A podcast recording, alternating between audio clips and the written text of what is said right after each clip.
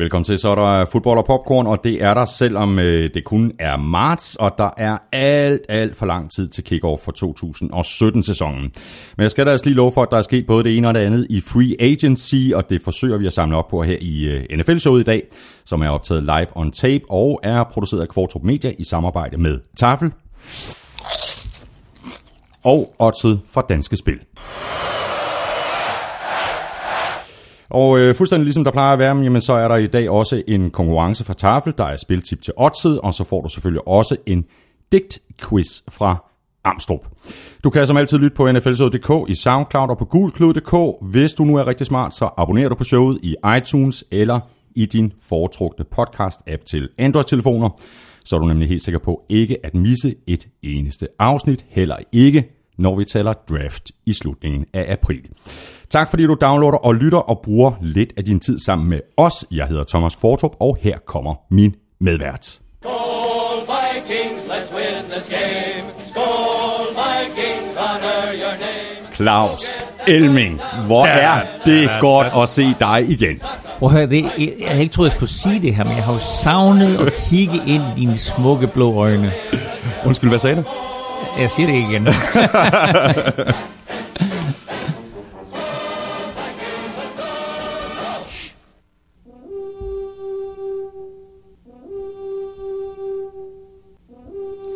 Og det der horn, det lyder som regel, når der sker noget godt i Minnesota. Mm-hmm. Og derfor så har de ikke lyttet ret ofte her i free agency. Vikings, de er en af de klubber, der har haft det allersværest. Ja, der er røget en del, der er røget en del ud af butikken og knap så meget ind. Ikke? Og det, der er røget ind, det har været dyrt. Ja. Alt vel ellers, øh, på trods af, at, øh, at free agency ikke lige har, har flasket sig for Vikings. Jamen, øh, altså det synes jeg jo, det interessante her, det er, at vi sidder i marts og, og skal snakke fodbold, og, og det viser jo bare, at, at NFL har haft succes med et af deres store forhavner, nemlig at sørge for, at NFL-sæsonen ikke kun strækker sig fra september til februar, eller september til januar, som det var i gamle dage, men at de har formået øh, at sige, at der sker en masse ting Hele uden for tiden. sæsonen, som også er relevante. Mm. Og det vil sige, pludselig så er den her free agency-periode kæmpe, kæmpe stor. Selvfølgelig større i USA, end den er herhjemme, men altså hvis vi ser på alle de folk, som har skrevet til os på Twitter og på mail, at de glæder sig. Jeg sidder og læser min Twitter dagligt og tænker, "Hold kæft, hvor er det fedt, så mange der Ja, glæder sig ja, til, at, at vi to paphuer, vi sætter os herind øh, og, og, og skal snakke lidt omkring, hvad der er sket i ligaen. øh, der var Combine, som vi vender i forbindelse med draften. Der var et par øh, college-kampe, altså sådan afsluttende college-kampe, hvor blandt andet øh, Andreas Knappe fik lov til at vise sig frem. Øh, og så kommer øh, fra nu af og så frem mod, mod draften, ikke, så vil der være en del free agents, der skifter klubber, øh, og så kommer naturligvis hele det her øh, enormt store show, som, som draften jo er blevet, og når det ja. så er slut, så kommer minicamps og training camps, og inden vi ser os om, så er det august, og så er der preseason, og så begynder den nye sæson. Ja. NFL har formået at gøre de her 7-8 måneder til øh, noget fodbold interessant også. Fuldstændig korrekt, øh, og Claus, og selvom du siger, at øh, free agency selvfølgelig fylder mere i USA, end det gør herhjemme i, i Danmark, så vil jeg da sige, at det fylder rimelig meget i mit hoved. Så meget, at jeg i sidste uge øh, lå i øh, min seng øh, med Game Pass på, på fjernsynet, mm, og sad og fulgte med i... Øh, i øh, det ene vanvittige trade, ja, og det ene, ja. ene mere vanvittige signing efter den anden. Og så gik min Twitter fuldstændig amok på et eller andet tidspunkt.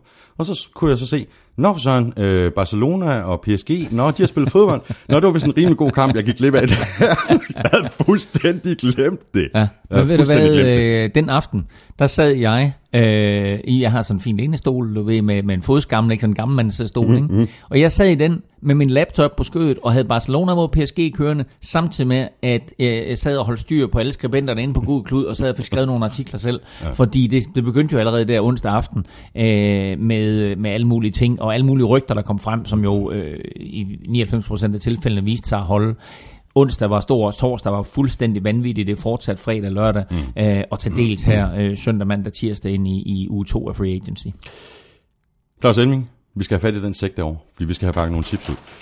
Og jeg kan lige så godt... Åh, oh, der var jeg lige ved vælte kaffe. Ja, der, er også, der er også cola og sådan noget. Men nu skal bare, men jeg tror faktisk, at du skal, du skal pakke dem ud, og så ja. jeg kan lige så godt sige, at det er ikke, det er ikke 100 procent.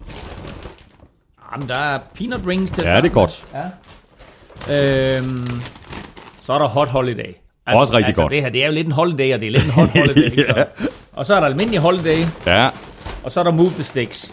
men hvor er Hvor er Chili Banese, og hvor er American Ranch? Det er en skandale! Ja, men det er jo, det er jo virkelig off-season, det her.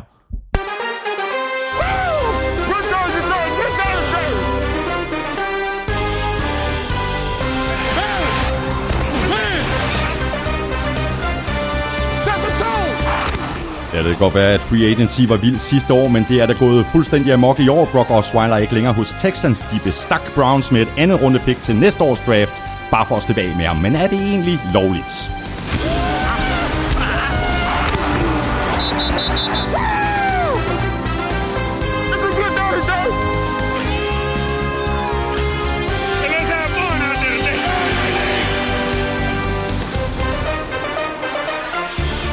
Free agency er langt fra overstået, men i løbet af de næste par timers tid, der forsøger vi at give dig et overblik over de største trades og signings, der allerede er faldet på plads. Og må ikke også, der bliver plads til en top 5 eller 2. Det skulle ligne os dårligt at springe den del over. Jeg hedder Thomas Kvartrup, og med mig har jeg Claus Elming. Nå Elming, skal vi ikke lige øh, allerførst runde de her to danskere, der står og banker på, for måske at komme ind i det forjættede land. Vi har talt rigtig meget om øh, Andreas Knappe tidligere, der jo bliver draftet i nogle mock drafts, og så mm. bliver, bliver overset i nogle andre. Øh, Jeg ved, du har talt med kicker Simon Mathisen, ham vender vi lige tilbage til, og du har også talt med Andreas Knappe. Og Knappe først, der er nemlig et øh, spørgsmål her fra David Vag Schostein. Bliver Andreas Knappe draftet, og på hvilket hold har han størst chance for at blive starter? Åh oh, ja, jamen... Øh, altså, jeg tror, Andreas er lidt af et projekt. Jeg tror ikke, han bliver starter fra dag et. Øh, men altså, han vil jo passe sådan størrelsesmæssigt godt ind på et, et Dallas Cowboys-mandskab. New England Patriots har også været nævnt. Mm. Øh, jeg skulle da ikke sige, at han ikke kunne passe ind på et Minnesota Vikings-mandskab, hvis de havde tænkt sig at blive ved med at løbe bolden. Øh, Andreas' styrke lige nu er, øh, når man bare øh, ligesom siger, okay, nu tordner vi bare fremad. Tennessee Titans kunne være et godt sted for ham. Mm. Øhm, det interessante ved ham, det er, at, at han jo er en kæmpe, kæmpe dreng, som egentlig har spillet tackle, men jeg har øh, læst et par, par steder her i, i den forgangne uge, at der er nogen, der betragter ham som en, en, øh, en mulig guard. Øh, og så vil han altså blive en stor, stor ja, dreng ikke på guard. Ja.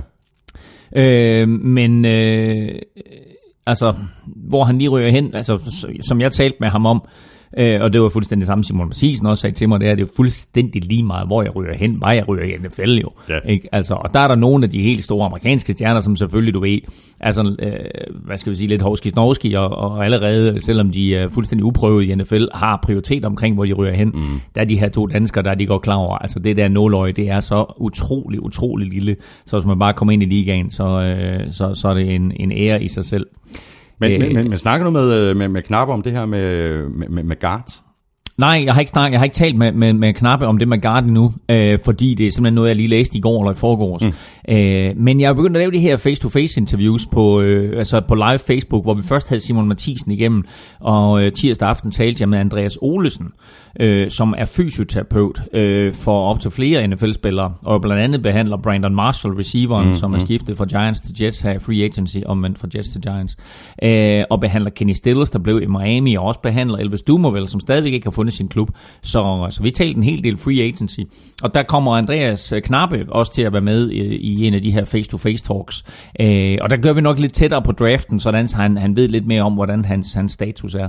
Øh, men jeg glæder mig meget til at, til at høre, hvad der er sket i Andreas' liv. Og jeg kan, og jeg kan, kun, anbe, jeg kan kun anbefale, at man ser de her face-to-face øh, øh, snakke, som du har på, på Facebook Live. Det er, det er super fedt. Og ved du hvad, det er super sjovt at lave det. Uh, og det er jo uh, skønt med moderne teknologi, ikke? at uh, vi via et lille stykke software, der kan sidde i Danmark, og så har vi en, en spiller eller uh, en anden personage Ja, så kan du siddende i, i, hele, i? USA. Du, og der, ja, jamen, det, er, det er virkelig, virkelig fedt. Så gå ind på Google Klud og se de to uh, interviews, jeg har lavet med henholdsvis Simon Mathisen og Andreas Olesen. Og hvad siger Simon Mathisen? Altså han er jo lige... Øh, jeg, jeg så et af dine Ja. ja. interview, øh, så det interview med ham, der var han sparket en 75, og der var godt nok lidt medvind, ikke? Altså, år, han havde en lille pelikan i ryggen. Men altså, han lavede trods alt en 75'er, og øh, han øver sig på at lave sine kickoffs helt præcise, så de rammer ned på 1 linjen som er en af de nye ting i NFL. Uh, han øver sig det hele taget på at forlænge det. Han har ændret sin sparketeknik en lille bitte smule. Uh, og altså hatten af for ham, fordi netop det her med at ændre sin sparketeknik, det er noget, som jeg talte med ham om for en 3-4 måneder siden, hvor han sagde, jamen, prøv at, jeg sparker på min måde og har succes med det, mm. uh, selvom der er nogle andre, uh, som siger, at, at jeg kunne gøre det anderledes. Uh, men pludselig har han fået øjnene op for, at han rent faktisk kan få lidt mere længde ved måske at ændre sin teknik en lille bitte smule. Og altså forestiller det, at du har sparket til en bold, øh, på, på, på en måde, og så pludselig bliver bedt om at ændre det, det, det kræver altså en hel del. Nej, det gør det. Både mentalt, men jo også, at du rent fysisk er i stand til at, at, at udføre det her nye, du bliver bedt om. Det er lidt ligesom at ændre sit golfsvinger. Dem, der spiller golf, de ved, hvor svært det er. Ja. Øh, så, Ja, for en quarterback så- og, og ændre kasteteknik. Præcis, Altså. ikke, som vi talte om bare med, med Blake? Bortles Ja, ja, sidste præcis. år, Eli Ja. Manning for en sags skyld mm. i starten af sin karriere. Øh, så øh, så der, er, der er forhåbninger, og det der er fedt ved Simon, det er, at han havde en øh, regional combine, hvor han viste sig frem, og der var altså fire NFL-klubber, som viste interesse for ham. Mm. Seattle Seahawks, Kansas City Chiefs, øh, New York Jets, og jeg glemmer den sidste, men det er altså bare, det, det er rigtig, rigtig fedt, at der pludselig er noget øh, samtale omkring ham, og noget, noget opmærksomhed omkring Ja, ham. især Sådan, fordi så- han jo har spillet Division 2, 2 ikke? Altså, Ja, lige nok, så han kunne spille på næstbedste niveau. Øh, og der må man sige, at der er nok, altså der er overvejende sandsynlighed for, at Andreas Knappe bliver draftet. Der er overvejende sandsynlighed for, at, at Simon Mathisen ikke gør det.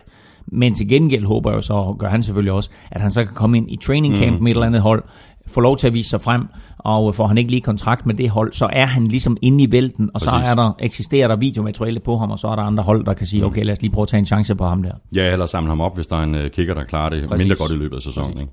Uh, David Vage Sjovstein har, en, uh, har et tillægsspørgsmål. Uh, han spørger, om vi ikke kan lave en top og bund af holdenes free agency, og det spørger Johannes Vemlund faktisk også om. Han uh, skriver, hvilke hold har klaret det bedst værst, værst gennem den første lille uge af free agency, måske en top 5 af begge. Jamen prøv at, det, der, det er da super fedt. Øh, men jeg tænker, at vi gennemgår øh, free agency, de største handler, øh, kigger på øh, alt, hvad der er sket for Ja, de gemmer den 32 til hold, sidst, ikke? og så gemmer de her to top Præcis. 5'er til sidst. Så har vi noget, som vi kan tage nu. Det er et øh, spørgsmål fra Anders Petersen. Han skriver, Hej drenge, kan I nævne nogle træk, tilgange eller afgange fra free agency indtil videre, som er gået under radaren, men som I føler er rigtig gode? I skal være mere end velkommen til at lave det til en klassisk top NFL-showet top 5. Øh, jamen altså, der er der et par stykker, som, øh, som er gået under radaren. Øh, jeg synes jo for eksempel, øh, er der en Micah Hyde, ja. som er røget fra Packers til Bills. Nej, det er omvendt. Hvad for noget? Nej, Nej, nej, det er Packers til Bills. Undskyld. Ja, ja. ja, ja. Micah Hyde er røget fra Packers til Bills. Øhm, og Fem års kontrakt, 30 millioner dollars, så vidt jeg husker. Ja, og han er god. Mm. Altså Micah Hyde, han, han er, jeg synes, han er fremragende safety. Øh, han er god i, i både nickel og dime, øh, og han kan, kan faktisk også fungere som punt returner. Så øh, det, er- det er en handel, som jeg ikke synes, der er blevet skrevet nok om. Der er så mange andre store handler, sådan noget med Micah Hyde. Et, det at Packers taber ham, men to, det at Bills får ham øh, tilknyttet. Det synes jeg, jeg synes, det er en stor handel. Mm. Og så er der en anden ting, og det er, at hvis vi kigger på, på Denver Broncos sidste år, så øh, var de jo helt med fremme blandt de allerbedste, men det var helt tydeligt, at de manglede noget tyngde i midten af deres forsvar. Præcis. De kunne ikke stoppe løbet. Og så gik, gik de ud, og så signede de altså over et kvart ton øh, på den samme dag, øh, hvor de hentede to øh, kæmpe betonklodser ind til den defensive linje. Kerr og... Zach Kerr var, ja. var den ene, øh, og øh, hvem var den anden? Øh, Pico. Nå, Domato Pico Ja, selvfølgelig ja, fra, ja. fra øh, Cincinnati Bengals. Øhm, og øh, det er sådan to drenge, som man måske ikke sådan betragter som superstjerner, og som ikke begge to vil komme til at starte, men vil komme til at indgå i en rotation Ja. på øh, Denvers defensive linje. Og hvis man kigger på, hvor lidt Denver manglede sidste år for at være konkurrencedygtig, så var det der en plads, altså tyngde i midten af den defensive linje, som, øh, som de manglede. Mm. Og det betyder bare, at de forsvarsmæssigt er helt tilbage på det niveau, de var, da de vandt Super Bowl 50. Nu skal vi så selvfølgelig finde ud af, hvad der sker på quarterback. Præcis, og det kommer vi til at tale mere om. Så har vi et spørgsmål her fra Simon Jønsson. Øh, Hvilken spiller er blevet mest overbetalt i årets free agency?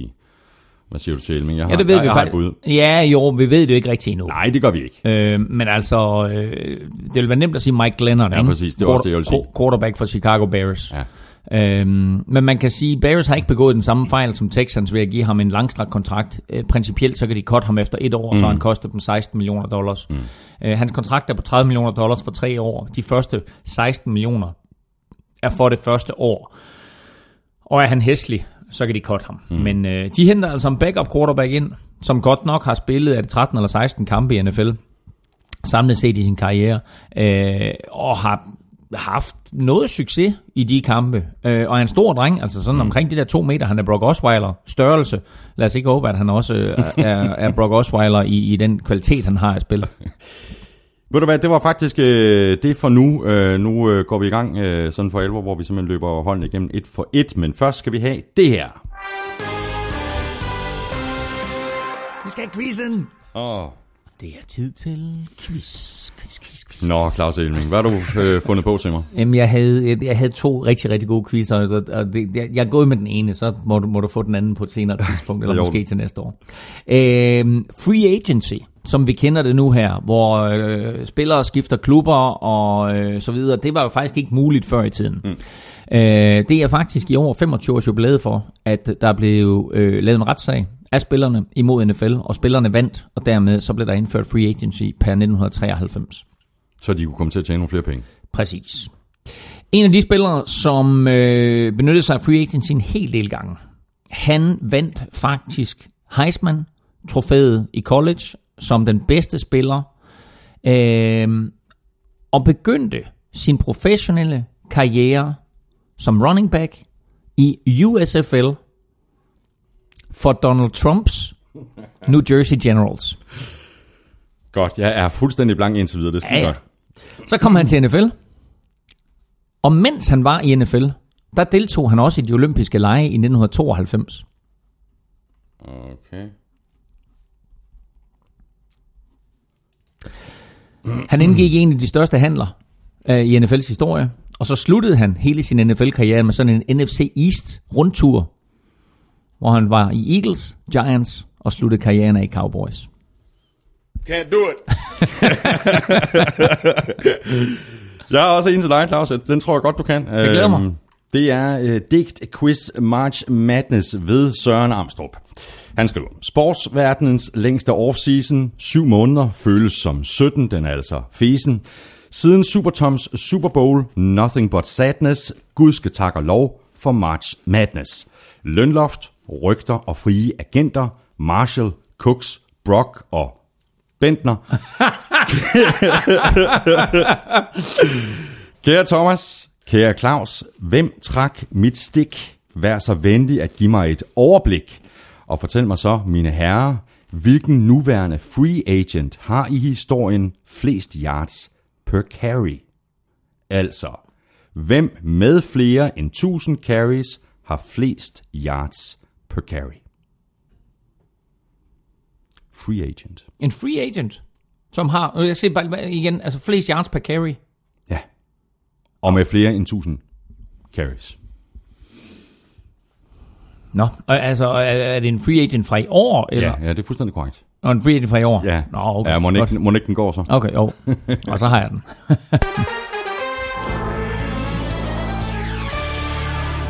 Og så går vi i gang med at øh, kigge på free agency. Øh, der har i sandhed været tale om øh, March Madness. Det har været fuldstændig vildt indtil videre. Der gik øh, komplet øh, amok i den i sidste uge, og det er ikke forbi nu. Det vælter med store navne, der endnu ikke har fundet en øh, klub. Øh, masser af running backs og quarterbacks. Øh, og ja, så fik vi en enkelt signing i går. Eddie Lacy øh, signede med Seahawks øh, for, for et enkelt år. Og vi kan lige så godt sige det med det samme. Vi kommer ikke i nærheden af at nævne alle trades og alle navne, der er blevet signet. Og uanset hvilket hold du holder med, jamen, så er du garanteret meget bedre opdateret på lige netop dit hold, end vi er. Vi har ligesom øh, 32 hold, vi skal forsøge at holde øje med. Lad os bare se at komme i gang. Du sidder og griner, griner fjode over til mig, Claus. Jamen, jeg vil bare lige sige, altså, hvis, hvis, hvis man sidder der, og man selvfølgelig har et favorithold, og ikke kan vinde på Google Klud, så er der altså to vigtige artikler, men der er tre vigtige artikler faktisk, man skal der. gå ind og læse på Google Klud. Man skal gå ind og se oversigten, hvor vi har alle de største handler for alle klubber. Øh, og den bliver løbende opdateret. Så er der, øh, så har vi givet karakterer for alle de største handler, øh, og det er selvfølgelig vores fuldstændig subjektive vurdering af, øh, hvordan vi ser de her forskellige spillere, mm. øh, handler og klubskifter. Øh, og så er der også en, en, øh, så- en lille liste, der bliver opdateret, som hedder, hvem er de store profiler, der er tilbage? og den er nok så interessant. Den er nemlig rigtig interessant, Ja. for der er altså stadigvæk et par stykker. Ja. Ja. Blandt andet jo en Dante Hightower, mm. som vi vender lidt senere. Vi begynder med øh, Brock Osweiler og Browns fra AFC North. Mm. Øh, fuldstændig, øh, fuldstændig vildt trade. Altså, hvad, hvad, hvad, hvad sker der? Øh, Og spørgsmålet er, om, der, der, der, der er spørgsmål her fra Lukas Bisgaard. Kan man forestille sig, at NFL vil prøve at stoppe trades, ligesom Osweiler i hallen? Altså, mm. han bliver traded til Browns, øhm, som har taget Brock og hans løn på 16 millioner dollar, mm. og til gengæld har Browns så fået et andet rundevalg i næste års draft. Ja. Lad os lige gennemgå hurtigt. Øh, Brock Osweiler skrev den her berygtede, berømte øh, 4 års 72 millioner dollars kontrakt. Men NFL-kontrakt er skruet sådan sammen, så øh, der er en nødløsning for klubberne til, at de kan komme ud af de her. Øh, og der var Brock Osweiler altså kun sikret to år og 32 millioner dollars. Men det var det, han var sikker. Han var sikret 32 millioner dollars og to år. Øh, men han var så horribel sidste år, og så var der angiveligt en konfrontation i omklædningsrummet i spil uge 17 mellem ham og head coach Bill O'Brien, at øh, nok blev nok For, det kan man ikke forestille sig, om, om, om, om Bill O'Brien han er så rolig. Han, øh, han ja, bruger jo aldrig store ord. Right. øhm, at Texans ville af med ham. Og jeg har faktisk hørt efterfølgende, at de var meget, meget tæt på bare at cut ham også, ja. og så sige, så taber vi de 16 millioner dollars. Mm. Nu gjorde de så det, at de slap for de 16 millioner dollars øh, ved at trade ham til Cleveland Browns. Men det er jo ikke sådan, at de fik noget retur. Faktisk måtte de give noget for mm. at trade ham. Mm. Så for at slippe af med hans løn på 16 millioner dollars, der gav de Cleveland Browns et anden runde pick. Og øh, Cleveland Browns er i den situation, at de havde masser af plads under lønloftet. Ja, var de over 100 millioner dollar, 103, øh, så vidt jeg husker. Lige nøjagtigt, ja. øh, Så de sagde, at de 16 millioner dollars vil vi gerne tage. Så nu tog de de 16 millioner dollars i løn, øh, og så prøver de jo faktisk på, i det øjeblik, de har fået Brock Osweiler ind, det er ikke et spørgsmål om, at de gør ham til quarterback. Nej, de siger, prøv at høre, nu skal vi prøve at se, om vi kan, om vi kan skibe, skibe ham videre, hmm. og så vil vi se, om vi kan få et tredje runde pick. Og her er dealen, de vil sågar betale halvdelen af hans løn, hmm. hvis der er et hold, som siger, godt vil godt give et tredje runde pick for Brock Osweiler. Hmm. Så Brock Osweiler, han er en brugt bil, som kører på sine absolut sidste kilometer. Ikke? Altså, og han, han er hvad, 25 år gammel? Ja, det er helt vildt. Og han signede den der 72 millioner dollar kontrakt sidste år, og han havde lige fået ring på, ikke? Som, som backup quarterback. Ja. Det går nok øh, højt at flyve, øh, dybt at falde. Det må man sige. Det må være, for det må være for, forfærdeligt for ham. Ja, altså spillemæssigt og, og, og, og sådan mentalt på en fodboldbane, ja, men du ved, at du øh, kører 32 millioner dollars ind, eller omkring en, en kvart milliard, ikke? Jo, jo. Så, så Men han kommer ikke til at lide nogen nød. Det, det tror jeg heller ikke. Nej, nej. Der var rygter om, at uh, Browns de høje på øh, Jimmy Garoppolo. Ja, men, ja, men skal vi ikke lige vende tilbage, fordi vi svarer ikke på, om det var lovligt eller ej. Det er rigtigt. Fordi er det ikke lige på kanten? Jo. Man må da ikke, der må da ikke øh, handles med, med penge og picks og... Jo, der, jo det må der må, Nå nej, okay, nej, præcis. Du formulerer det bare sådan lidt. Jeg misforstår det. øhm, der står direkte i NFL's regler, at man må ikke give penge hmm. for draft picks. Men det er jo heller ikke det, der er sket her. Nej. Det, der er sket her, det er, at øh, Cleveland Browns og Houston Texans har indgået en handel. Øh, det vil sige, at der er ikke penge involveret som sådan. Det er ikke sådan, at de har givet dem 16 millioner mm, dollars mm, mm. for et draft pick. Det må man ikke. Men de har simpelthen taget en spiller, fået et draft pick igen. Øh, de har så også givet et 6. runde draft pick den anden vej. Øh, nej, det passer ikke. De har fået et andet og et 6. og så har de givet et 4. runde draft pick den anden vej. Øh, men, øh, hvis de smider ham på porten, fordi det er muligt, at hvis de ikke kan få en deal igennem med et hold og give et tredje runde pick for ham, så smider de ham på porten. Så har de ikke behov for ham. Mm. De, de beholder ham ikke engang i systemet. Og så kan man begynde at snakke om, har de så reelt set betalt 16 millioner dollars for et anden runde pick? Og vil NFL gå ind og kigge på mm. den her konstellation? Er det så i givet fald lovligt? Som Lukas Bisgaard øh, spørger om, om, om, om NFL vil gøre noget for at stoppe den her slags trades. Der er intet i reglerne nu, der siger, at man ikke må gøre det. Mm. Det er bare første gang nogensinde, det er blevet gjort. Ja. Det er øh, noget, som er set i øh, NBA, og det er også noget, der er set i, i Major League Baseball, men det er aldrig set i NFL sammenhæng. Men det er også, fordi det ikke er NFL-fyre, der sidder øh, for, for Browns. Det er også nogle Moneyball-fyre, ikke? Og det er jo sjovt at tænke på, at Sashi Brown og, og resten af hele det crew, der er kommet ind og styrer Cleveland Browns nu, de kommer fra baseballverdenen. Mm. De kommer med noget øh, teknologi, og nogle computersystemer, som skal regne alt det her ud, og så kommer de med et know-how og en viden fra, hvordan man gør det der. Og det, de gør lige nu, det er, at de samler draft picks. Cleveland Browns har 22 draft picks i de næste to år. Og ud af de 22, der ligger de 8 altså i første og anden runde. Fire i år, fire til næste ja, år. det er vildt. De har så meget ammunition. Hvis du tænker på, der er 53 mand i en trup, mm. øh, og de 45 med på kampdag. Du har 22 draft picks i de næste to, to drafts. Som vi håber, de er bedre til at bruge de her er øh, draft picks, end, end de har været tidligere. Så, men lige nu er, er dealen lovlig, øh, men må, må ikke NFL de på en eller anden måde vurdere det efterfølgende og siger, øh, der, der, der skal altså øh, på en eller anden måde Ja, vi skal gøre være noget eller substans i, i sådan nogle ja, handler som det her. Nå, men så lad os lige runde øh, det her rygte om, at øh, Browns måske kunne tænke sig at, at trade sig til øh, Jimmy Garoppolo fra, fra Patriots. Øh, hvad siger du til det? Altså, øh, der er også snak om, at de vil gå efter Mitch Trubisky i draften. Mm. Der er bare lige en bedre spiller, som de burde tage, det er Miles Garrett. Nu, nu nævnte jeg, at de havde fire picks øh, i de, de første to runder her i år. Øh, de to af dem i første runde, det er pick nummer 1, og det er pick nummer 12. Øh, og Browns var ude og sige noget med, at de ville tage ham der quarterback, der hed Mitch Trubisky, mm. med pick nummer 1. Det, det håber jeg ikke, de gør. Øh, jeg håber, at de er kloge nok til at tage Miles Garrett, som er en øh, outside linebacker, defensive end type, som øh, er milevidt foran, Draftens- foran alle de andre spillere. Draftens suveræn bedste ja. spiller. Der er folk, der siger, at han er den bedste defensive end, øh, skråstrej outside linebacker, man kan også kalde ham øh, edge rusher, mm. som er kommet ind øh, i 10 år i ligaen, og det er altså inklusiv Joey Bosa, mm. som kom ind sidste år med, med stor succes. Øh, så ham skal de tage med etteren. Men så er der pick nummer 12, og de har et første runde pick til næste år også, eller måske to anden runde picks, og det er sådan noget, de er i gang med at pakke til øh, New England Patriots, og så sige, hvis vi giver pick nummer 12 i år, og måske et eller to anden runde picks, eller måske et første runde pick til næste år, er I så interesseret i at give os mm. Jimmy Garoppolo, eller Garoppolo. Men Patriots har jo sagt, han er ikke på det åbne marked, og det kan selvfølgelig bare være, at de spiller højt spil, fordi hvis prisen bliver høj nok, ja. øh, så, øh, så er Patriots jo villige til alt, fordi Patriots jo, fuldstændig som Browns er i gang med nu, jo er verdensmester i at samle draft picks. Det er helt så vildt. i stedet for, at det er sådan, at, at Patriots måske har høje draft picks, så har de mange draft picks. Mm. Øh, og øh, får de, lad os sige, tre eller fire draft picks øh, af en rimelig kaliber for Jimmy Garoppolo, så vil jeg også våge påstå, så er de også øh, villige til at lytte. Mm. Jeg spekulerer lidt på, hvordan i alverden man kan fyre 16 millioner dollar af på et øh, andet rundevalg i næste års draft. Det er dybest set det, der er sket. Men ikke hoste op med noget, der minder om det halve for at beholde Terrell Pryor.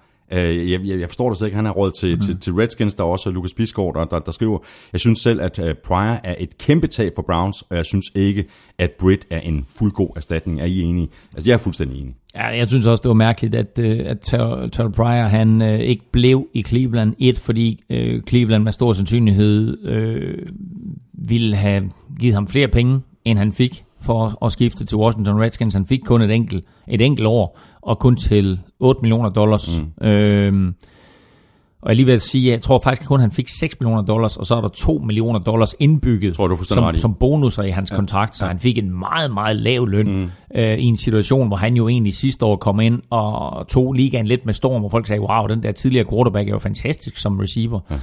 Og øh, godt nok så har øh, så har Browns et, et par ganske dygtige receiver, øh, inklusiv øh, Corey Coleman fra sidste år, de draftede, som var skadet det meste af sæsonen, men har enormt potentiale. Men jeg ser bare, altså Corey Coleman og Terrell Pryor sammen vil have været, vil have Ja. været en, en gylden kombination, fuldstændig uanset enig. hvem der kommer til at spille quarterback jo. Fuldstændig enig. Og det bliver ikke RG3, han fik kun en enkelt sæson i Cleveland. Han er, han er nu øh, frit stillet. Lige præcis.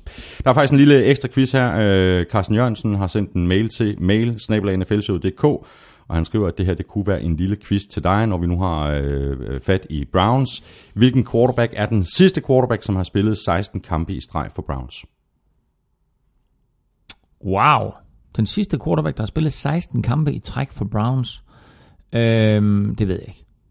Tim Couch. Nej, det, er- nej, var det vildt. Det var ham, jeg ville sige. Så tænkte nej, det Ja, langt. ja, ja, ja, ja, ja. Nej, nej, nej. Nå, okay, ja, det er jo nemt nok for mig at sige.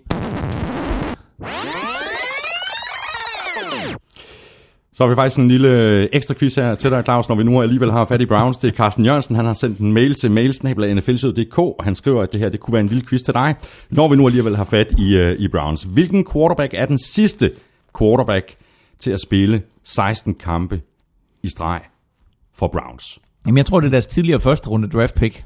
øh, fra, jeg mener, det var 1999 draften, som hed Tim Couch. Du er fuldstændig ret, og han gjorde, det, han gjorde det i 2011. Det er fandme, det er fandme stærkt, det der. vi bliver i uh, divisionen. Vi går videre til uh, Bengals. Uh, de har mistet tackle Andrew Whitworth til Rams. Og han har altså spillet øh, 11 år i, øh, i Bengals. Han har nu skrevet en treårig kontrakt med, med Rams.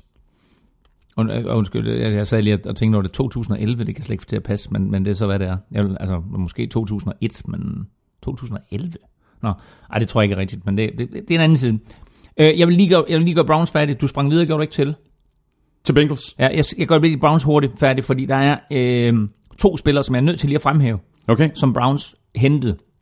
Den ene, det var guard Kevin Seidler, mm. som kom ind fra Cincinnati. Super, super vigtig spiller at hive ind til den offensive linje. Og så hævde de JC Treader ind på center Fra Packers. fra Packers. Ja. Super vigtig spiller at hive ind. God opgradering på den offensive linje af Cleveland Fuldstændig, Browns. fuldstændig enig. Så napper vi uh, Andrew Whitworth, uh, råd til Rams efter 11 år i Bengals. Uh, det er der noget at, uh, at tage for Bengals. Så Seidler til Browns mm. og Andrew Whitworth til Rams. Øh, det gør ondt på Bengals, og det er en virkelig, virkelig god opgradering for, for Rams. Selvom Whitworth han er ved at være oppe i alderen, så da jeg kiggede ned over listen, med alle de her forskellige tackles, som var free agents, der må jeg sige, der faldt mine øjne godt nok lige på Andrew Whitworth, ja, og tænkte, hold da op, Ja. øh, og håbede lidt på, at Vikings ville hente ham, og så endte han altså i Rams, så øh, vel også dejligt for ham, øh, efter at have spillet så mange år i Cincinnati, han får til at slutte karrieren af i solfyldte Los Angeles. Og så beholder Bengals øh, deres øh, cornerback Dre Kirkpatrick faktisk på en, en øh, stor kontrakt. Han blev draftet af Bengals tilbage i 2012 i første runde, så vidt jeg husker. Han har nu signet en femårig kontrakt på, på 52,2 millioner dollar. Og det må sige, det er, øh, det er typisk for, for, for det her cornerback-marked, fordi øh, cornerback er en utrolig svær position at spille, og man kan se på de cornerbacks, der er i ligaen, at øh, de er utrolig eftertragtede. Den eneste, som måske lige nu føler sig skidt behandlet, det er Malcolm Butler hos Patriots, så den vender vi Ham- tilbage ja, til. til at tale om. Øhm, men cornerback er en meget eftertragtet position. Øh, så vigtigt, at øh, Bengals øh, signede ham. Øhm, til gengæld så mistede de jo altså så øh, Domato Pico mm. på, øh, på den defensive linje, og som vi nævnte, altså både Kevin Seidler og Andrew Whitworth, så, øh, så hård øh, skæbne for Bengals, synes jeg. Ja, og det undrer mig faktisk lidt, at Bengals ikke er øh, mere aktive i, i free agency. Der var de heller ikke så meget sidste år. Det virker som om, at de lader flere spillere gå uden rigtig at få mm. øh, tilsvarende med erstatning. Altså sidste år, der sagde de farvel til Marvin Jones og Mohamed Sanu, mm. og så fik de Brandon LaFell, som de øvrigt lige har resignet mm. med, øh, forlænget øh, i, i to år, så vidt jeg husker. Men det, det, det undrer mig lidt, at, øh, at Bengals ikke er mere øh, aktiv. Og det øh, må også gå ondt på Andy Dalton, fordi sidste år der mistede han øh, to top receiver, Præcis. og i år der mister han to top offensive linemen, ja. så det kan ikke være sjovt for ham at se på. Mm. Videre til øh, Steelers. Øh, jeg har ikke noteret så forfærdeligt meget. Øh, sådan er det jo nærmest per definition med Steelers. Øh, Det er ikke sådan det helt store free agency hold. Øh, de har resignet backup quarterback Landry Jones, og så har de mistet øh, Marcus Whedon, deres wide receiver, til, øh, til Bears. Den største nyhed i Pittsburgh er nok, at de har sagt farvel til øh, Lawrence Timmons. Han har skrevet under med Dolphins øh, en kontrakt på to år til 12 millioner mm. dollar. Øh, ja, og selvom han er oppe i alderen, så, øh, så synes jeg nok, at han er en vigtig brik. Øh, det er en af de her klassiske store linebackers, som, øh, som Steelers altid har haft. Øh, og jeg, jeg synes egentlig, når jeg, når jeg så på den måde, han spillede på sidste år, at han var, øh, han var en, altså øh, øh Steelers er jo inde i en eller anden form for foryngelsesproces, øh, ikke mindst på forsvaret. Mm. Og øh, der var han sådan en af de rutinerede kræfter. Men det er vigtigt, at du har nogle rutinerede kræfter på forsvaret. Øh, og der må jeg sige, at der tror jeg, at i omklædningsrummet, øh, og sådan for den mentale stabilitet på det her forsvar, der var det vigtigt for Steelers, at de beholdt ham. Mm. Men nu øh, får han altså med stor synlighed lov til at, at slutte karrieren af, eller i hvert fald spille de næste par år i, i Dolphins. Jeg har faktisk lige et spørgsmål her fra øh, Holm Svendsen på Twitter. Øh, han spørger, hvilken betydning får det for Steelers, at Timmons er væk? Og Du er jo lidt inde på det, at måske lige så meget i omklædningsrummet. Jeg kan ikke huske, hvor, hvor, hvor gammel han er. Han er 35 eller... Åh, Nej, det vil ja, ikke- Ja, nej, ja. Øh, men, men hvilken betydning får det øh, for, for Steelers at, øh, at at miste den spiller? Og, Jamen- og, og hvem, skal, øh, hvem skal tage over fra ham, øh, spørger Holm Svendsen. Jamen altså, jeg tror, de er nødt til at gå ud og lede i draften. Mm. Øh, og når vi nærmer os drafttid, så, så kommer vi til at tale meget mere om det, for der er faktisk, og det kan også være en af grundene til, at de har gjort det, men der er faktisk mm. rigtig, rigtig mange gode linebackers i den her draft. Øh, så, så, så de kan måske have, have gået ind og sagt, jamen altså okay, øh, vi vil ikke give Lawrence Timmons en, en stor, dyr kontrakt øh, i en sen alder, men vil hellere øh, se, om vi kan få nogle unge kræfter ind mm. på, på billige kontrakter. Og det er jo meget den filosofi, som mange hold kører med. Det eneste, man kan sige, det er, at lønloftet i år er kommet op på 164 millioner dollars, og jeg synes, der er nogle fuldstændig vanvittige kontrakter imellem. Og når Browns har råd til bare at smide 16 millioner dollars på porten for at komme sådan nogenlunde op øh, mm. på de her millioner, som de skal bruge, øh, altså så er lønloften næsten ved at blive for stort, og der, ja, der er jo nogle ja. der kontrakter, hvor man bare ryster på hovedet og siger, hvorfor skal han have så meget, og har han fortjent det? Og der kunne jeg, hvis jeg sad som stiler, så kunne man sige to ting. Et, øh, har vi, har vi brug for Lawrence Timmers i omklædningsrummet? Ja, er han de penge værd, som, som vi skulle give ham for det? Måske nok. Øh, og så to, øh, en filosofi, som hersker nogle steder, men som man må sige ikke hersker ret mange steder, og, og som er en vis form for kynisme, det er, kunne vi, kunne vi give ham en sidste kontrakt for god og tro tjeneste? Ja. Men der er NFL bare hardcore business og siger, nej, videre med dig. Ikke? Vi går efter følgelsesprocessen. Hvis vi skal have en chance for at, at, at spille med, øh, så skal vi sørge for, at vores kontrakter er øh, lave, og de spillere, vi har, er dygtige i forhold til, hvor meget, hvor meget eller hvor lidt vi giver dem. Jeg har faktisk ikke mere til, øh, til, til Steelers. Øh, Nej, kun lige at Jarvis Jones så øh, i går øh, skiftede fra, fra Steelers til Arizona Cardinals, så det var endnu en profil, de mistede tidligere første runde draft pick, som måske ikke helt har levet op til mm. sin første runde status, men, øh, men han, øh, han, han røg videre øh, i systemet. Så videre til uh, Ravens, der har fritstillet outside linebacker Elvis Dumerville efter uh, fire år i klubben. Uh, Ravens har forstærket deres secondary. De har signet den tidligere Cardinals safety Tony Jefferson på en uh, fireårig kontrakt til 36 millioner dollar. Han bliver marker med Eric Weddle. Mm. Det er en meget god signing. Det er en rigtig god signing, og det er en øh, overraskende signing, fordi han angiveligt tog færre penge for at spille for Baltimore Ravens, end han kunne have, end han kunne have fået af Cleveland Browns.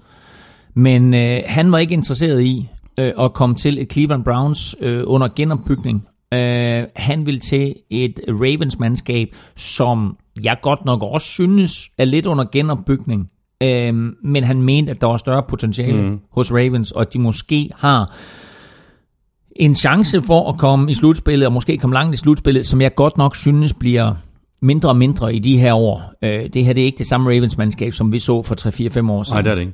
Og det er det hold, jeg, jeg, jeg tror, der spiller allerflest tætte kampe i NFL. Mm. Øh, og der, der handler det virkelig om, at nogle år, jamen, der vinder de de der kampe der med, med 3 eller 4 point, og så andre som sidste år, hvor de tabte flere, end, end, end de vandt. Og jeg ved, at uh, John Harbaugh, han uh, har virkelig meget fokus på, på, på det her. Jeg hørte et interview med ham her for et par ugers tid siden, uh, Monday Morning Quarterback, tror jeg, hvor, hvor han, hvor han simpelthen taler om, jamen altså, det bliver vi simpelthen nødt, nødt til at få rettet op på. Altså, hvordan er det, at vi kan gøre ligesom Patriots? Hvordan er det, at vi kan komme foran, når vi er mm. foran med, med, med, med 7, så komme foran med 10 eller 14 mm. eller 21, så man lukker ja, kampen noget ja, tidligere. Ikke? Ja. Øh, det er vigtigt for dem at lukke kampen, men samtidig sagde John Harbaugh i præcis det samme interview, som jeg også hørte, at i den tid, han har været head coach for Baltimore Ravens, der er de det mandskab i ligaen, der har vundet flest kampe ja, ja. med tre eller syv point, altså mm. eller inden for, inden for en score.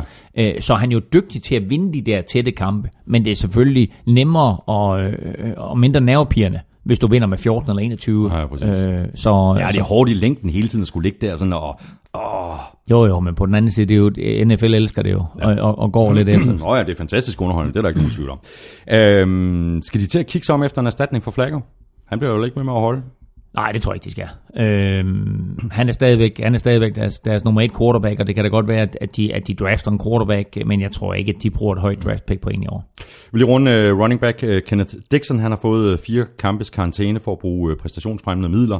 Uh, ikke ligefrem det Harbour havde håbet på, men de har signet Danny Woodhead, uh, så må ikke han kommer til at løbe ud over stepperne fra, fra begyndelsen af sæsonen, og så uh, kan få nogle flere snaps og, og måske komme tættere på at og dele snapsene med, med Kenneth Dixon, når, når han kommer tilbage. Øh, jo, og det var en god signing, Danny Woodhead. Det er jo sådan set den eneste, ah, det passer ikke, nu skrev Eddie Lacy jo kontrakt med Seahawks i går, men før Eddie Lacy, der var Danny Woodhead jo sådan set den eneste rigtige running back, øh, som havde skiftet klub. Ellers var der to fullbacks, der havde skiftet klub. Det var blandt andet Kyle Juszczyk fra Baltimore Ravens til San Francisco 49ers. Så hvis jeg sådan lige kigger på, øh, på, på Baltimore, så synes jeg, at det, de har mistet, er langt, langt værre end det, de har fået til klubben. Altså, de har mistet øh, Vladimir Dukasi, øh, offensive lineman, de har mm. mistet Lawrence Guy øh, til New England Patriots. Lawrence Guy i øvrigt bliver behandlet af danske Andreas Olesen, som jeg talte med i går. Interessant. Øh, som han også fortæller lidt om. Ja. Så mistede de Kyle, øh, Kyle Juszczyk, og så mistede de altså Ricky Wagner, den offensive tackle. Ja.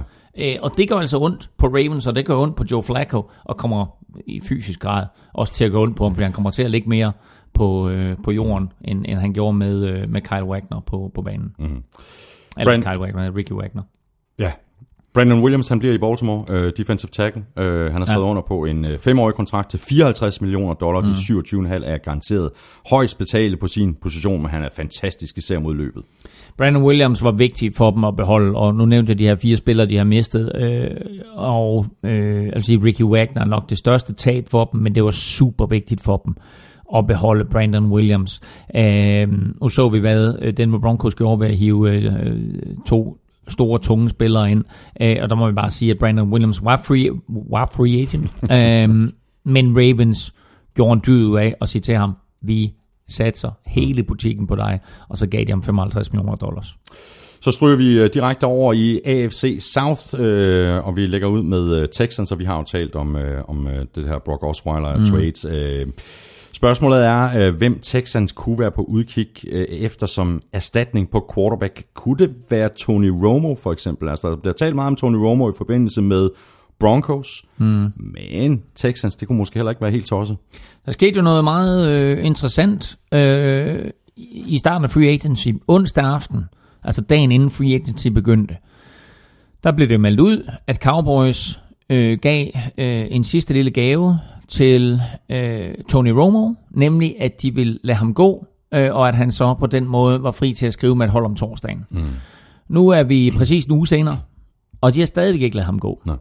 Og jeg tror, at det der skete var, at den der Brock Osweiler trade blev lavet, og i det øjeblik, den blev lavet, der kunne Dallas godt se, okay, den bliver kun lavet med et formål, og det er, at Houston vil have fat i Tony Romo. Ja. Og pludselig så sagde de, okay, jamen, hvis nu vi i stedet for bare at lade Romo gå kvitterfrit, kan få et tredje runde pick, Ja, anden et- runde et pick, fjerde, et eller et eller andet for ham, så, så er vi måske interesseret i det. Øh, men der har både Texans og Broncos altså slået bremsen i og sagt, vi kommer ikke til at indgå i en forhandling omkring Tony Romo. Fordi hvis de gør det, så et skal de af med en eller anden form for draft pick, mm. plus at de skal overtage hans løn. Hvis Tony Romo bliver fritstillet, så er de igen fri til at forhandle en ny kontrakt med mm. ham, og skal ikke til at Og det er nok det sidste, der er vigtigst. Ja, fordi altså... Som Fordi altså et fjerde runde, øh, nå, det kunne, Ja, det kunne ja, de vel ja, godt ja. leve med, hvis, hvis, hvis, hvis Ja. Broncos sidder og er bange for, at Texas de overhaler dem, jamen, så siger de, jamen, så skider jeg med det, så får I et fjerde runde valg. Ikke? Jo, jo. Øh, men, øh, men det vilde af det hele er, at sidste år, ikke, der, var, der var Texans og Broncos inde i en eller anden form for, for hanekamp omkring Brock Osweiler, mm-hmm. og nu her, der foregår der sådan bag kulissen en eller anden form for hanekamp omkring uh, Tony Romo.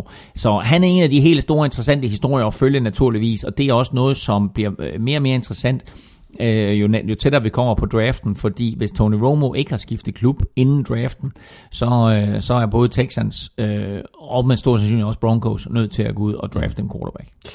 Så har Texans mistet cornerback AJ Bowie til Jaguars, der har givet ham en øh, mega kontrakt på 5 år, 67,5 millioner dollars, 26 millioner øh, garanteret. Øh, jamen, øh, det var bare et spørgsmål om, hvor øh, AJ Bowie han skulle tjene øh, masser af penge, og det blev så altså øh, i Jaguars. Nu laver jeg en top 5 her til sidst øh, omkring, hvem de store vinder var i free agency. Og der øh, overvejer jeg lidt, om jeg skulle tage nogle spillere med ind, men jeg har valgt udelukkende at holde det på hold. Mm. Øh, men AJ Bowie er en af de helt store vinder, fordi forestil dig for to sæsoner siden, der var han øh, undrafted free agent, og øh, ja, jeg var måske ikke free agent, men han var i hvert fald undrafted, og øh, var ikke starter hos Texans. Og så sidste år kommer han ind og får en starterplads, og går fra at være fuldstændig ukendt, til at være top cornerback i NFL. Og hvor er det bare en fed historie, ikke? Og nu her, i 2017, så får han 63,5 millioner dollars for at skifte til Jacksonville Jaguars. Ikke? Altså der kan du da tale om the American Dream. Ja, og jeg, jeg, jeg hørte faktisk et interview med ham, og han lyder ekstremt øh, sympatisk. Øh, øh, sagde, at han gik overhovedet op i øh, materielle ting og, og, og penge og så videre, og jamen, han giver masser af penge til sin gamle high school og til sin familie, og mm, han vil bare gerne øh, spille fodbold og, og, og gøre det så godt, som han overhovedet kan. Og har en far også, som er tidligere øh, træner og er fodboldspiller, og som også har, har givet ham en, en, en god og sund opdragelse, både på og uden for fodboldbanen. Så mm. det her, det er, det her, det er en, en øh, knægt, kan vi til os at kalde ham stadigvæk, med en utrolig god arbejdsmoral. Ja. Øh, og det vil sige, selvom han får en stor bunke dollars nu, så kommer han til Jaguars med en indstilling til, at jeg skal hjælpe det her fodboldhold. Mm. Og det tror jeg, det er vigtigt. Jeg har øh, en enkelt øh, ting mere til øh, Texans. De har sagt øh, farvel til linebacker og pass rusher John Simon. Mm. Han har råd til øh, Colts, mm. øh, der har skrevet en, øh, øh, under med, at han har lavet en kontrakt på tre år. Jeg kan ikke lige huske, jeg tror omkring 13 millioner dollar. Ja, og altså, øh, alle taler om J.J. Watt og David Clowney, men, men, øh, og Brooks Reed for en sags skyld, men altså, når John Simon han kom på banen, øh, så skete der ting og sager. Øh, og det er bare en spiller, man ikke har talt ret meget om. Øh, og jeg tror, han bliver vigtigere for Colts, end han var for Texans. For jeg tror, Texans kan godt erstatte ham øh, med den rotation, de er i stand til at lave, også især når J.J. Watt kommer tilbage. Men når vi taler om Colts, så vil jeg da sige, at det er en af de helt store signings, som de lavede. Og øh, det bringer os øh, helt naturligt videre til lige præcis Coles. De har forlænget med øh, tight end Jack Doyle, og så har de traded øh, tight end Dwayne Allen og et 6. runde valg til Patriots, og i retur der har de så fået et 4. runde valg. Det er klassisk Patriots. De har lavet det her nummer øh, ja. flere, gange, flere gange i år med, med sådan øh, picks den, den ene og den anden øh, vej. Øh, det ser ud til at være en rigtig god øh, handel for Patriots. Er det, er det en god handel for, for Colts også? Hvis de slipper af med en utilfreds spiller, som øh, følte, at han skulle være den store stjerne, og så blev overhalet lidt indenom af Titan Jack Doyle sidste år, så er det nok en meget god øh, handel, fordi det drejer sig om, det er selvfølgelig en eller anden form for, for ro i omklædningsrummet, ro på de indre linjer, og øh, det lader til, at øh, det, jeg ligesom kan læse mig til, det var, at øh, Dwayne Allen har utilfreds med situationen i Indianapolis, og øh, så kommer han til... Øh, til Patriots, som har skilt sig af med Martellus Bennett, og pludselig så kan han jo se frem til at blive en del af det her dobbelt tight end sæt sammen med Gronk, og hvem ved, hvad der sker med Gronk, øh, som jo ikke har fuldført ved ikke en sæson i de Nej. sidste 3-4 år. Så, så Dwayne Allen er nok i en rigtig, rigtig god situation lige nu, og øh, jeg tror, Coles var fint tilfreds med at slippe af med ham. Så har Cole skrevet under med den øh, tidligere Patriots linebacker Jabal, Jabal Sheard. Øh, mm. Tre år til en værdi af 25,5 millioner. Øh, så har de opgraderet pass rusher med John Simon, som er hentet hos øh, Texans.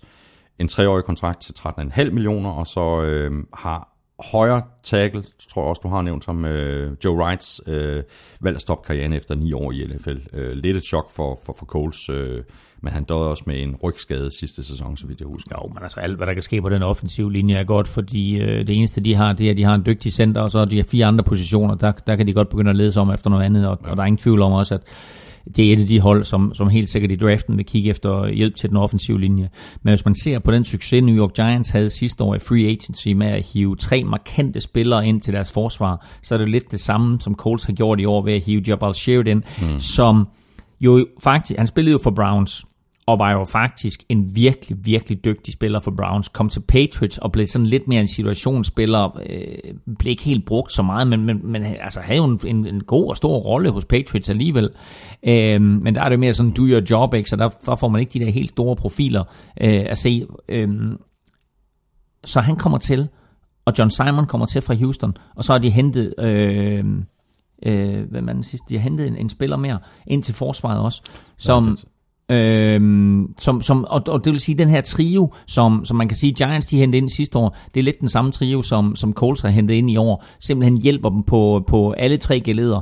Øh, så det, det synes jeg, det er, det, det er en... Øh, tre vigtige ting, som Coles har gjort for at opgradere forsvaret.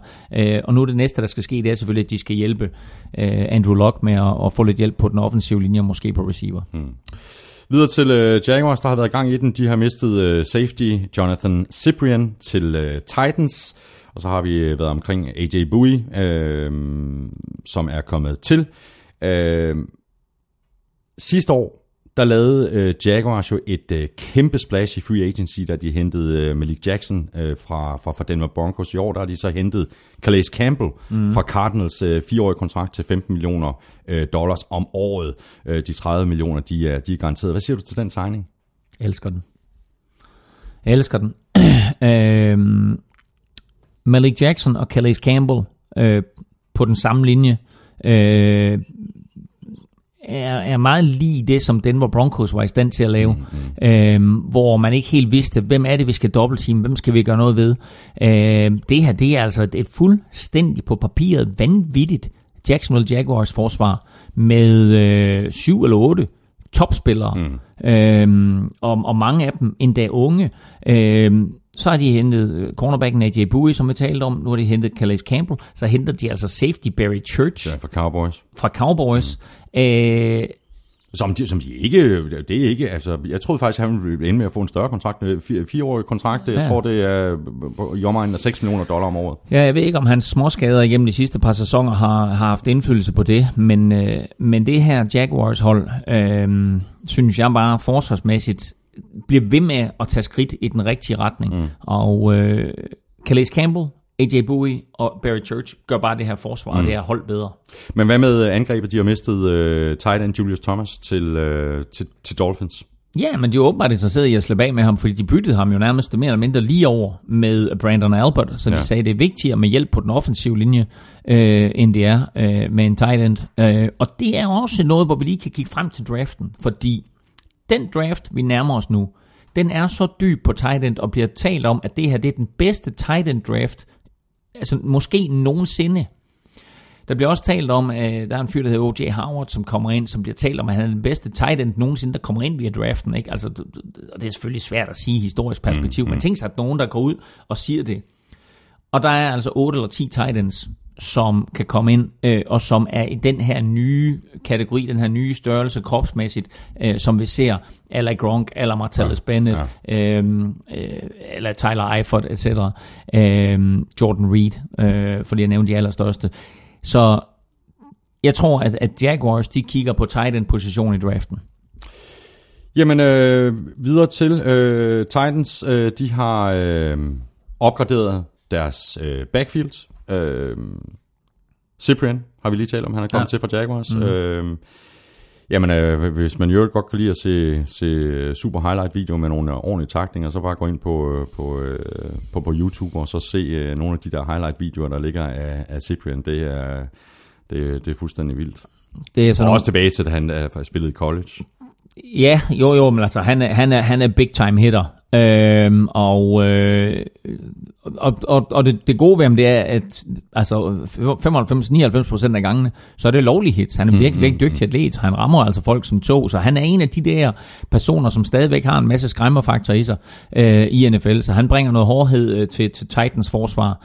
Øh, så har de jo også opgraderet på cornerback, Ja, Logan Ryan fra, fra Patriots. og prøv at tænke på, hvor lidt... Nu talte vi lige i starten om, om undervurderede handler. Jeg synes jo faktisk ikke, der er blevet talt ret meget om, at Logan Ryan er røget fra Patriots til, til Tennessee Titans. Jeg synes jo også, det er en undervurderet handel, fordi han var vigtig. Logan Ryan var vigtig for New England Patriots. Enig. Øhm, og øh, han, kommer til, han kommer til Tennessee Titans med en øh, Super Bowl ring, og øh, kan måske bringe noget, noget, noget, noget frisk blod og noget, noget vilje ind og noget erfaring ind på cornerbackpladsen og til det forsvar der. Øh, angrebet sidste år for Tennessee Titans begyndte jo virkelig øh, at vise en, øh, en ny styrke i form af den måde, de skruede deres øh, løbeangreb sammen på. Og så hvis Marcus Mariota han så øh, kommer så over den her knæskade, så har de altså et, et potentielt ret stærkt angreb. Ja. Og nu skal der ske opgraderinger på forsvaret. Mm. Så derfor så er både Jonathan Cyprian og Logan Ryan øh, vigtige spillere. Og så er Sylvester Williams jo kommet til fra Denver Broncos. Og øh, han er altså også en, en, en tung herre op foran, som øh, havde en stor ære af, at, øh, at Broncos øh, var i, i to Super Bowls der i, i øh, var det Super Bowl hvad var det, 49, 50? 48, 50 var den. 48 og 50, 50, ikke? ja, præcis. præcis. Videre til AFC East og Patriots, øhm, og de ser bare ud til at blive stærkere og stærkere. Det er rigtig provokerende. Hvor, hvor mange våben er det lige præcis, at Tom Brady han skal have kast til? Nu har de traded sig til Brandon Cooks fra Saints.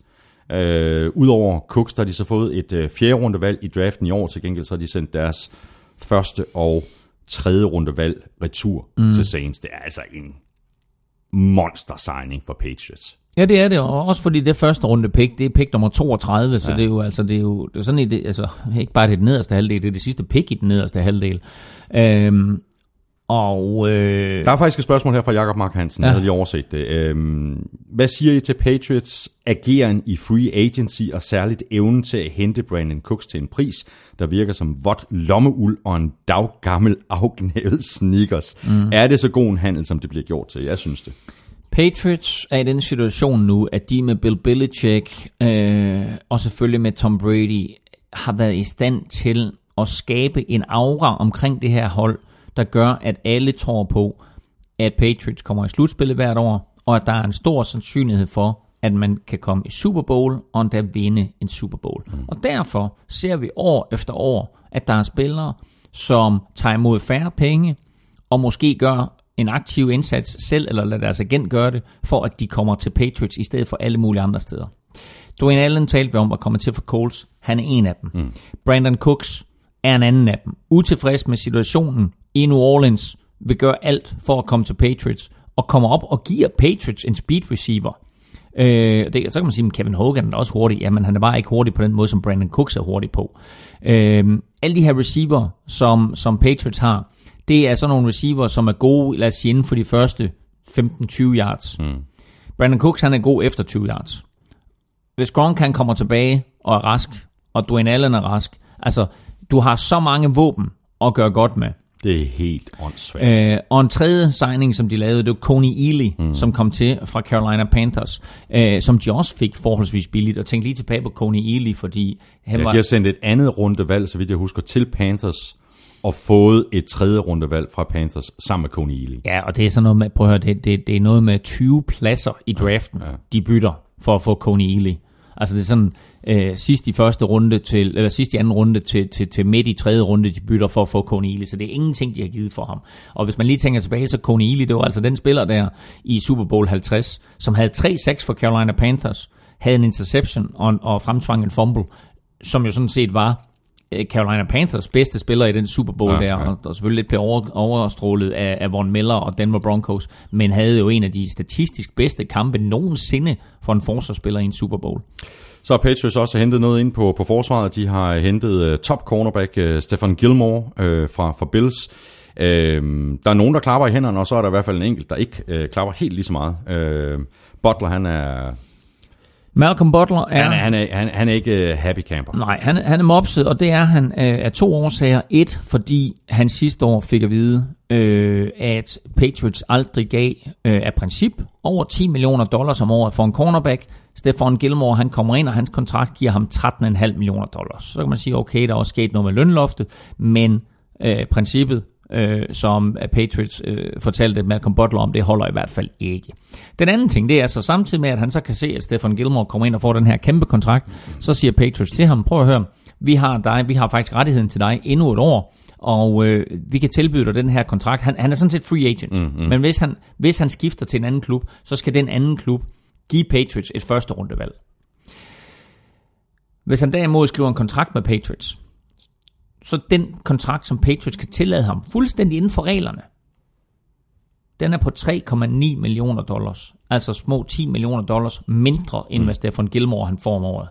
Det er altså 70 millioner kroner om året. Mm-hmm. Ja, ja, det er ikke for, en, for en Super Bowl helt. Mm.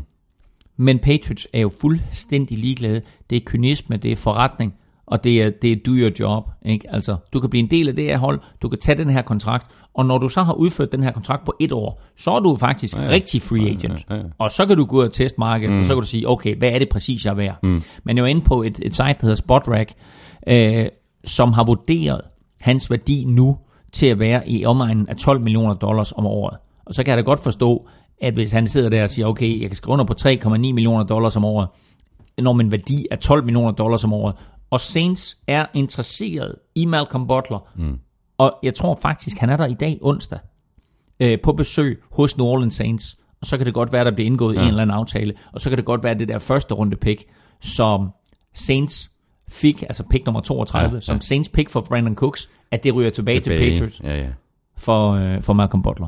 Det skulle ikke undre nogen. I øvrigt, når vi taler om uh, Patriots og, og, og, og det her fantastiske run, de har været på i løbet af de seneste, uh, seneste 15 år med, mm. med Belichick og, og Tom Brady, så er en stor del af forklaringen på deres succes, det er jo netop det her med, at Tom Brady, han har holdt igennem på, uh, han har holdt igen. Han har jo ikke fået de penge og de kontrakter, som han kunne få. Og det er jo sådan ligesom med til at lægge en dæmper på alle andre spillere. Patriots, de kan bare sige, jamen ved du hvad kammerat, det kan vi ikke give dig i løn, fordi prøv lige at se, hvad, hvad, hvad Tom han får. Det, det, det, kan, det kan vi jo ikke. Nej, vi kan ikke få mere end Tom. Præcis, og det, og det, det, det er da en udfordring. Det, er, prøv at høre. Øh, altså, det kan da godt være, at du vil have meget løn, men altså, Tom, han får kun sådan og sådan. Ja. Ikke? Øh, det, det interessante her, det er, at med den løn, Tom Brady han får i øjeblikket, hvis så Patriots, de beholder Jimmy Garoppolo, og så de til næste år, øh, for at beholde, de, de har Jimmy Garoppolo på kontrakt et år mere. Mm. Hvis de så franchiser ham til næste år, så kommer Jimmy Garoppolo via det franchise tag til at tjene mere end, Jimmy, end, uh, end Tom Brady. Ja. Men det er noget, som vi ikke talte om med hensyn til Jimmy Garoppolo, og grunden til, at Patriots også siger, at de måske ikke vil trade ham, det er jo, Tom Brady bliver 40 i næste uge. Han spiller til han er 45, det har han selv sagt. Jeg siger det bare. Brett Favre var fantastisk som 40-årig. Hmm. Brett Favre var forfærdelig som 41-årig. Det kan gå så stærkt, når du kommer derop. Mm. Øhm, Patriots har, ikke sikkert, at de har guld på hånden, men de har i hvert fald en mulig aftager mm. i form af Jimmy Garoppolo. Og det kan godt være, at de er så forudseende, så de siger, det her quarterback-marked, det er så svært at finde den rigtige mand. Vi ved, hvad vi har i Jimmy Garoppolo. Vi ved ikke, hvad vi får i en eller anden draft, eller hvad vi får ind via en eller anden trade. Mm. Vi ved, hvad vi har i Jimmy Garoppolo, og derfor kan det være, at de holder fast i ham. De siger, at det her det er manden, der skal overtage mm. på den lange bane fra Tom Brady. Og øh, Exhibit A hedder, nu nævnte jeg Brett Favre før, mm. et andet exhibit, der inkluderer Brett Favre, det hedder Green Bay Packers, Brett Favre. De drafter Aaron Rodgers. Aaron Rodgers får lov til at sidde på bænken, var det fire år bag ved Favre. Ja kommer ind, overtager og er nu måske NFL's bedste quarterback. Spørgsmålet er fra Brian Nørmark. Han øh, spørger, hvis Pats beholder Hightower og Butler, hvem skal så stoppe dem fra at tage nummer 6? Og nu har vi ikke nævnt Hightower jo. Han rygtes jo væk. Ja, men nej, og dog jo. Fordi lige her til morgen, der har vi på Google Klud skrevet, øh, hvad, hvad der sker med Hightower. Øh, vi kan så alle mulige andre kun spekulere. Men et, han har fået et kæmpe kontrakttilbud fra New York Jets. Jeg tror ikke, han er interesseret i at spille for New York Jets. To, han var på besøg hos, hos Pittsburgh Steelers i går. Mm. Fik at vide, her er en kontrakt, min ven. Du kan skrive under på den nu, og få den, eller du kan sætte dig i flyet, og så river vi den over. Så de vil ikke have, at han tog den her kontrakt, og så brugte den som løftestang over nej, for Patriots, nej, nej. og se, hvad de vil give mig. Mm. Så han fik at vide, sætter du ombord på det fly og forlader Pittsburgh, så, så, det er, så er kontrakten af bordet. Mm. Øh, men fordi han så forlod Pittsburgh, øh, så øh, er han jo altså nu tilbage i, i Boston, eller hvor han bor han, og øh, dermed så må New England Patriots betragte som favoritter til at få ham. De kommer nok ikke til at give ham lige så meget, som New York Jets har tilbudt ham, men det er jo sådan en afvejning igen. Er der, for, er der forskel for øh, Dante Hightower på at skrive under på 13 millioner dollars om året, eller på 16 millioner dollars om året? Ja, på papiret, men i den sidste ende, altså, så er det jo lidt lige meget. Og det er jo det her med de ja, her ufattelig mange penge. Is, især ikke? hvis man har mulighed for at vinde ring mere, ikke? Jo, altså, og, og, altså uanset, uanset at, at det her det selvfølgelig er big business, både for klubberne og spillerne, så er der ikke noget, man som øh, sportsmand elsker mere, end at sidde i et omklædningsrum og kigge ind i øjnene på din holdkammerat og vide, hey, vi vandt den kamp her. Ja, ja. Og det er, det, det er uge efter uge, og det er slutspil, og det er Super Bowl, hvor, øh, hvor Dante Hightower nu har to Super Bowl-ringe. Ikke? Det kommer ikke til at ske med Jets, måske med Steelers. Videre til uh, Jets. De har mistet uh, Brandon Marshall til Giants. Det er synd for Jets, men jeg glæder mig rigtig meget til at se uh, Brandon Marshall i Giants, og det kan vi så uh, tale om, når vi, når vi når til Giants. Men uh, hvad betyder det for, for, for Jets, at uh, de nu ikke har Marshall længere? Ja, det betyder, at hvem der end kommer til at spille quarterback, i New York Jets jo øh, mangler Brandon Marshalls kvaliteter. Mm-hmm. Øhm, Brandon Marshall øh, var meget utilfreds med quarterback-situationen sidste år i New York Jets, og øh, egentlig var jeg godt klar over det, men i den samtale, jeg havde med Andreas Olesen øh, i aftes, Andreas er også fysioterapeut for Brandon Marshall, der siger han til mig, Brandon Marshall har aldrig vundet en playoff har aldrig spillet i en playoff-kamp. Brandon Marshall nej, har aldrig spillet i en playoff-kamp, og så kommer jeg til at tænke på, nej gud, det er rigtigt, det har jeg godt læst et sted. Mm. Men prøv at tænke dig, så dygtig en receiver som Brandon Marshall, han har aldrig spillet i en playoff-kamp. Nej. Det får han altså chancen for nu, ved at komme til New York Giants. Og øh, så må vi bare sige, at med Brandon Marshall New York Giants, så har du altså Odell Beckham Jr., Brandon Marshall og Sterling Shepard. Det er jo nok den bedste receiver-trio overhovedet ja, det må man, i, i det må man sige. Altså, Marshall han har jo sagt, at, at han og, og Sterling Shepard, de er nummer to Præcis. Ikke? Og så Odell Beckham Jr., han, ja. er, han er nummer et. Så der er ikke nogen, øh, der er ingen kontroverser på vej ind i, øh, i, i Giants fra, fra hans side i hvert fald. Øhm, Jets har så kortet øh, Darrell Reeves. Mm. Øh, de mangler sådan en ny øh, cover cornerback, øh, mm. hvis øh, det her øh, rimelig øh, blitz-glade forsvar fra, fra Todd Bowles mm. øh, skal skal, skal fortsætte. Spørgsmålet er, om de, de, de finder noget i, i draften, eller om de, de lader videre i, i free agency. Altså, der er et par stykker øh, i free agency stadigvæk, som, som man kunne gå efter. Øh, men, men altså den måde, som Daryl Reeves spillede på sidste år, der var det klart, at han skulle cuttes. Der var mm. han ikke sin løn værd længere. Øh, det gik jo fra, at det var Reeves Island, øh, til at det ville på en eller anden måde blev en eller anden form for resortø, hvor der var masser af hoteller, og man kunne bo fuldstændig kvitterfrit. øh, det, det, var, det var ikke en god sæson for Daryl Reeves, så, så det er klart, at de skulle ud og lede efter hjælp på cornerback. Øh, Udover Brandon Marshall, så har de altså også sagt, sagt farvel til to mand på den offensive linje. Nick Mangold, som måske var lidt af en overraskelse for mm, mig, mm. Øh, og så Ryan Clady, som ikke helt har haft den karriere, som, som øh, han havde håbet på. Øhm, men, øh, men der skal ske rigtig, rigtig mange ting i Jets, og en af de ting, der skal ske, det er, at de skal have fundet ud af, hvem skal være quarterback. Ja. Altså, Hvad med rygtet om omkring uh, Josh McCown? Jeg synes, han er jo bedre end sit rygte. Jeg elsker da Josh ja, McCown. Ja. Altså, jeg synes, han har den bedste ja. i, i Browns. Altså, hvad, hvad, hvor, hvor mange øh, ja. testede de? Seks eller sådan noget træk, ja. ikke? Jo, ved du hvad, han har også den bedste, da, da han spillede for Bears. Ja. Altså, ja. Øh, han røg ind i det der Jay Cutler-syndrom med, at, at Bears havde så frygtelig, frygtelig mange penge bundet i Jay Cutler. Ja. Og så fik han ikke lov til at blive der, fik ikke lov til at starte, og kom jo ned på en free agent-kontrakt i, i Tampa Bay, inden han så røg til, til, til Cleveland. Øhm, men Josh McCown er god, men altså, prøv at høre, Josh McCown er bare ikke løsningen på den lange bane. Nej, men kan han ikke være en, en, en placeholder? Altså simpelthen, vi tager Josh McCown ind. Han er stabil, han er god, okay. og han kan holde tøjlerne indtil vi finder den rigtige løsning. Oh, men Eventuelt der... igennem draften, og så lade ham sidde bag, bag ved Josh McCown i et par år. Ja, eller jeg skulle lige til at sige, fordi der kommer en draft nu her, mm. hvor Jets drafter, hvad drafter de fire eller sådan mm, noget, ikke? Mm. Og det vil sige, der er to eller tre af de der top quarterbacks tilbage, måske dem alle sammen. Mm. Øh, altså, øh, Miles Garrett går et, og så er der en stor defensive tackle, som mange betragter som, som, som år til 49ers. Ja, men jeg tror bare ikke, at uh, 49ers tager ham, fordi de har draftet lige præcis på samme position de sidste to drafts i træk. Ja. Øh, så jeg tror ikke, de napper ham. Nej, men, øh, men interessant så at se, om, om de går quarterback, eller hvad de gør, men altså, så har vi... Øh, altså, jeg tror gerne, det, de vil drafte ned, men, men øh, at de at trade ned, ikke? Øh, men, men spørgsmålet er, om der er nogen, der trade op. Der skal, øh, der skal to, så jeg kunne sagtens forestille mig, jeg kunne sagtens forestille mig, at Jets de øh, går ind og vælger en af de der top mm. quarterbacks, der er tilbage, når, når, når de drafter. Men øh, der er mange, mange spørgsmålstegn hos det Jets. Ja, det og det er måske også en af grundene til, at Dante Hightower, han har været på besøg og siger, ej, ja. jeg, jeg leder altså videre. Ja. Af de hold, som han har besøgt, Dante Hightower, der har Jets givet ham det største tilbud, og jeg tror ikke, han kommer til at tage imod det. Så har Jets signet med øh, left tackle Kelvin Beecham, der er kommet til fra Jaguars. Han har skrevet under på en uh, treårig kontrakt uh, til 24 millioner dollar, og så har de også signet kicker Chandler Catanzaro fra mm. Cardinals. Mm. Så må vi håbe, han er bedre til at ramme de der ekstra point i, i år, end han var sidste år. Ja, ja, men altså New York Jets var et af de hold, som viste interesse for Simon Mathisen. Øh, og nu har de heddet Catanzaro ind, og på den måde, som Catanzaro han spillede på sidste år, så er der da en god chance for, at han bliver kottet på et tidspunkt. ikke? Så øh, det er da ikke umuligt, at, at vi har en dansk kicker for, for New York Jets til næste år. Vi krydser fingre. Så er vi nået til øh, Bills. Dem talte vi om en del i øh, sæsonen, øh, fordi der var rygter om både det ene og det andet i forhold til Tyra Taylor, om den her nye øh, trænerstab, øh, der kom ind, om de vil beholde ham, eller om de vil fyre ham. Nu har de så ændret øh, Tyra Taylors kontrakt. Den nye kontrakt, den er på papiret en femårig kontrakt, men efter de første to år, så er den let at komme ud af. Ja, men altså, øh, man, man kan da ikke påstå, at de behandlede Tyro Taylor særlig godt. Altså, øh, det, det var forhandlinger, der foregik gennem pressen, og det var, du ved, vi leder efter en ny quarterback, og vi kan drafte en ny quarterback, mm. og vi mm. leder efter en free agency quarterback, og bla bla bla, ikke? og så endte det så med, at, at parterne blev enige. Øh, det Tyra Taylor giver Buffalo Bills, det skal de altså lede længe efter. Mm. Jeg synes, Tyra Taylor var sjov at se på sidste år.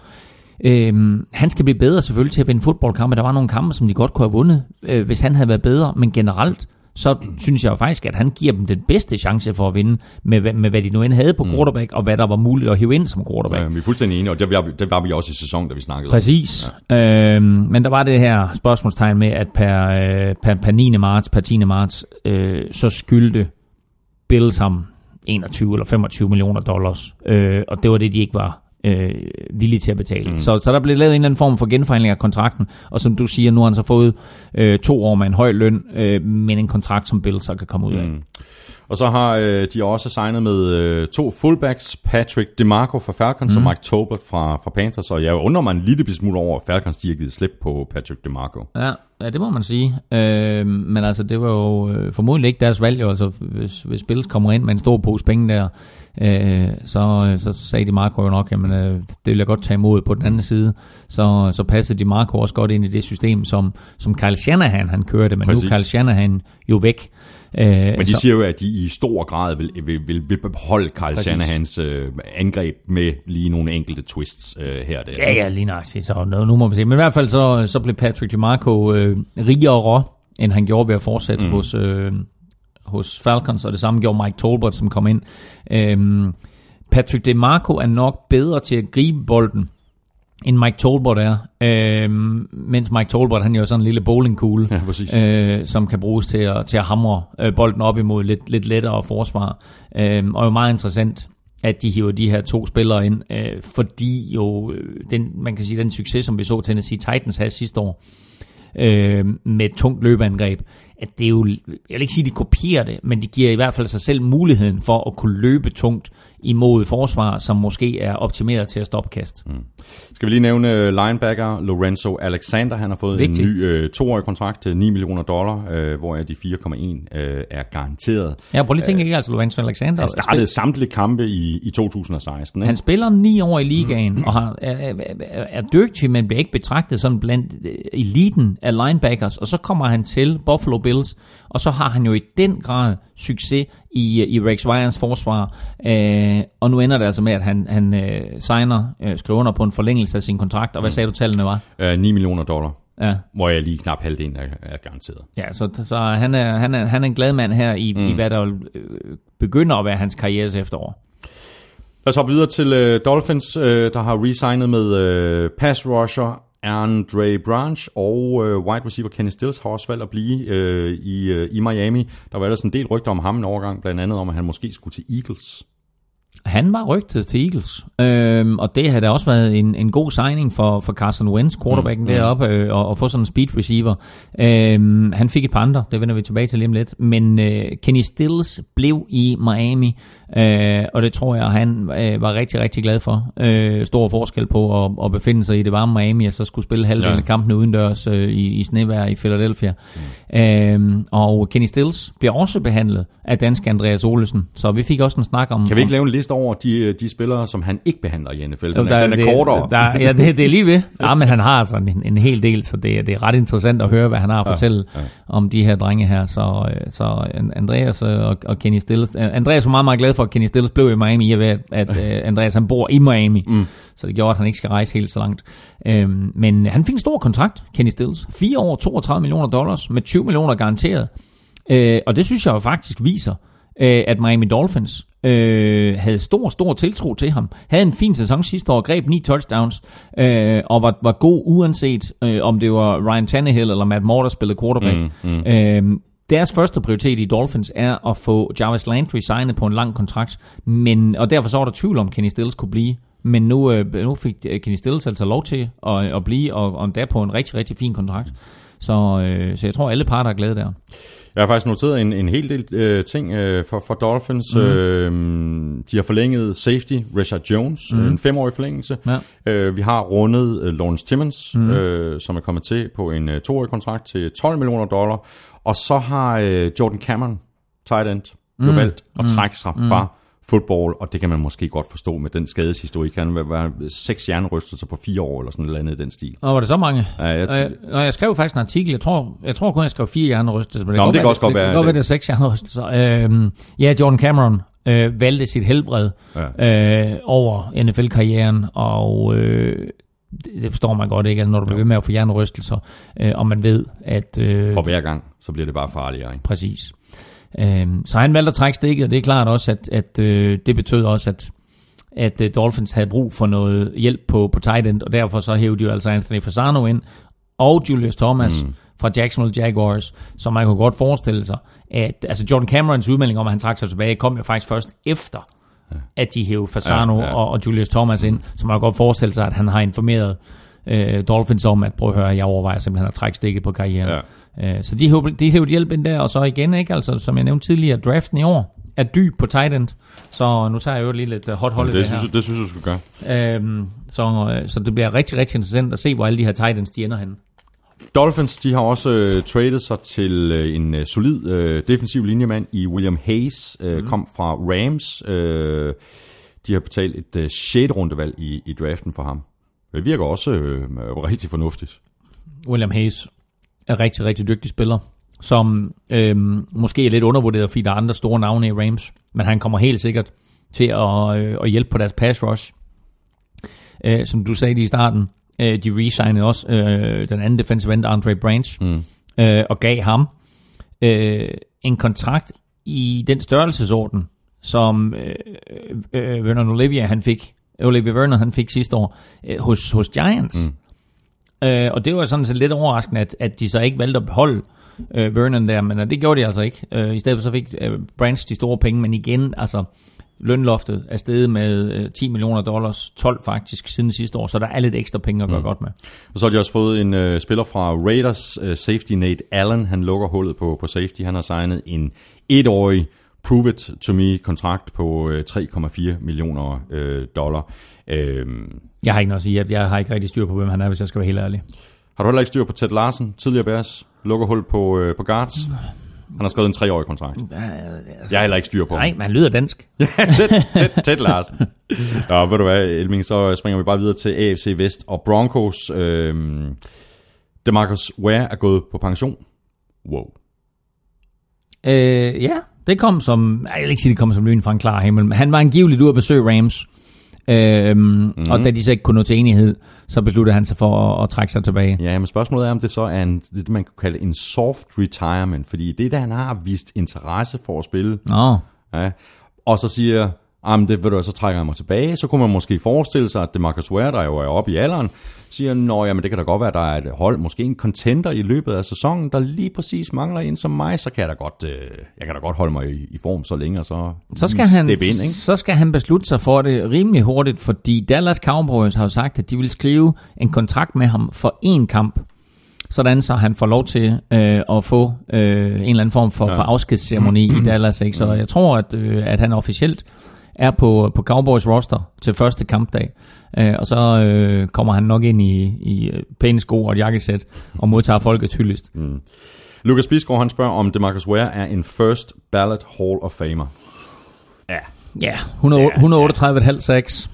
Ja. Øhm, det, øh, jeg tror, det er 6. flest nogensinde. 8. flest nogensinde, noget i den retning. Øhm, en Super Bowl sejr. 9 Pro Bowls. Øhm, gjorde både Dallas Cowboys bedre, og Denver Broncos bedre. Øh, og udover alt det, han leverede på banen, så var han jo også en øh, meget, meget vældig herre i omklædningsrummet. En faderfigur for alle de unge spillere, mm. og øh, en god ven for, øh, for de ældre, som for eksempel Peyton Manning. Øh, så øh, det her det er en spiller, som har givet meget både på og uden for banen, så jeg tror, at Marcus Ware han røver, ud, røver ind i første hug. Ja. Vi har talt lidt om Broncos og quarterback. Øh Tony Romo. Øh, ja, og hvis Tony Romo ikke kommer ind, øh, men så er det altså Trevor Simeon, det har gået godt med, med mm. og så Paxton Lynch. Ja, og de, de traded op sidste år for at få Paxton Lynch, mm. så øh, bliver jo bliver interessant at se, hvad de gør, fordi Paxton Lynch var jo deres og dit svar ja, ja, på, på, på den lange bane hos, øh, ja. hos, hos Broncos. Jeg var fuldstændig tosset med ham, men, de men han, ham. Øh, han ja. levede ikke op til det sidste år. Nej, det gjorde han godt nok ikke. Uh, Trevor Simeon fik en god start, uh, med småskade, der kunne ikke rigtig leve op til det, og, uh, og man, men altså igen, hvis man kigger på det her Broncos-mandskab, og jeg har sagt det et par gange her på NFL-showet, de havde jo heller ikke nogen god quarterback, da de vandt Super Bowl. Nej. Uh, så nu har de gjort det, som de havde behov for, nemlig at forstærke midten af deres forsvar med Domato Pico og Zach Kerr. Som vi har talt om. Ja, på henholdsvis 146 og 141 kilo. Mm. Altså to kæmpe store drenge, ikke, de har sat ind i midten der. Øhm, og det vil sige, at deres forsvar på papiret er tilbage på det niveau, som de vandt Super Bowl med. Så skal de bare finde en quarterback, der ikke når sig op i det. Mm. Øh, og, øh, Men det kunne vel godt være Trevor Simeon? Jeg kender ikke størrelsen på hans uh, coronas. jeg, har, jeg har et enkelt uh, navn mere uh, ud for Broncos. Det er, at uh, de har hentet uh, hjælp også til den offensive linje uh, med uh, guard Ronald Leary, der er kommet til fra Cowboys kontrakt på fire år til 36 millioner dollar. Ronald Leary øh, er øh, en, en dygtig spiller helt sikkert, øh, og øh, har masser af erfaring for den her øh, tunge offensiv linje hos Dallas Cowboys. Så, øh, så han kommer til at hjælpe dem.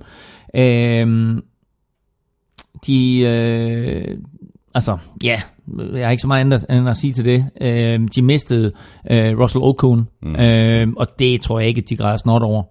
Så, øh, så det var, det var en, en, en, en, tackle, som på en eller anden måde var på vej ud alligevel, øh, og så fik de en guard ind i form af mm. Ronald Leary. Videre til øh, Chiefs. Øh, der er ikke sket øh, voldsomt meget. De har mistet Jamal Charles. Øh, jeg har sagt det før. Jeg tror, øh, jeg tror desværre, at Jamal Charles øh, er færdig. Ja, altså, Altså, nu, han, han leder stadigvæk efter job. Øh, Ja. det, det gør han, men jeg tror ikke, vi kommer... Vi kommer i hvert fald ikke til at se Jamal Charles.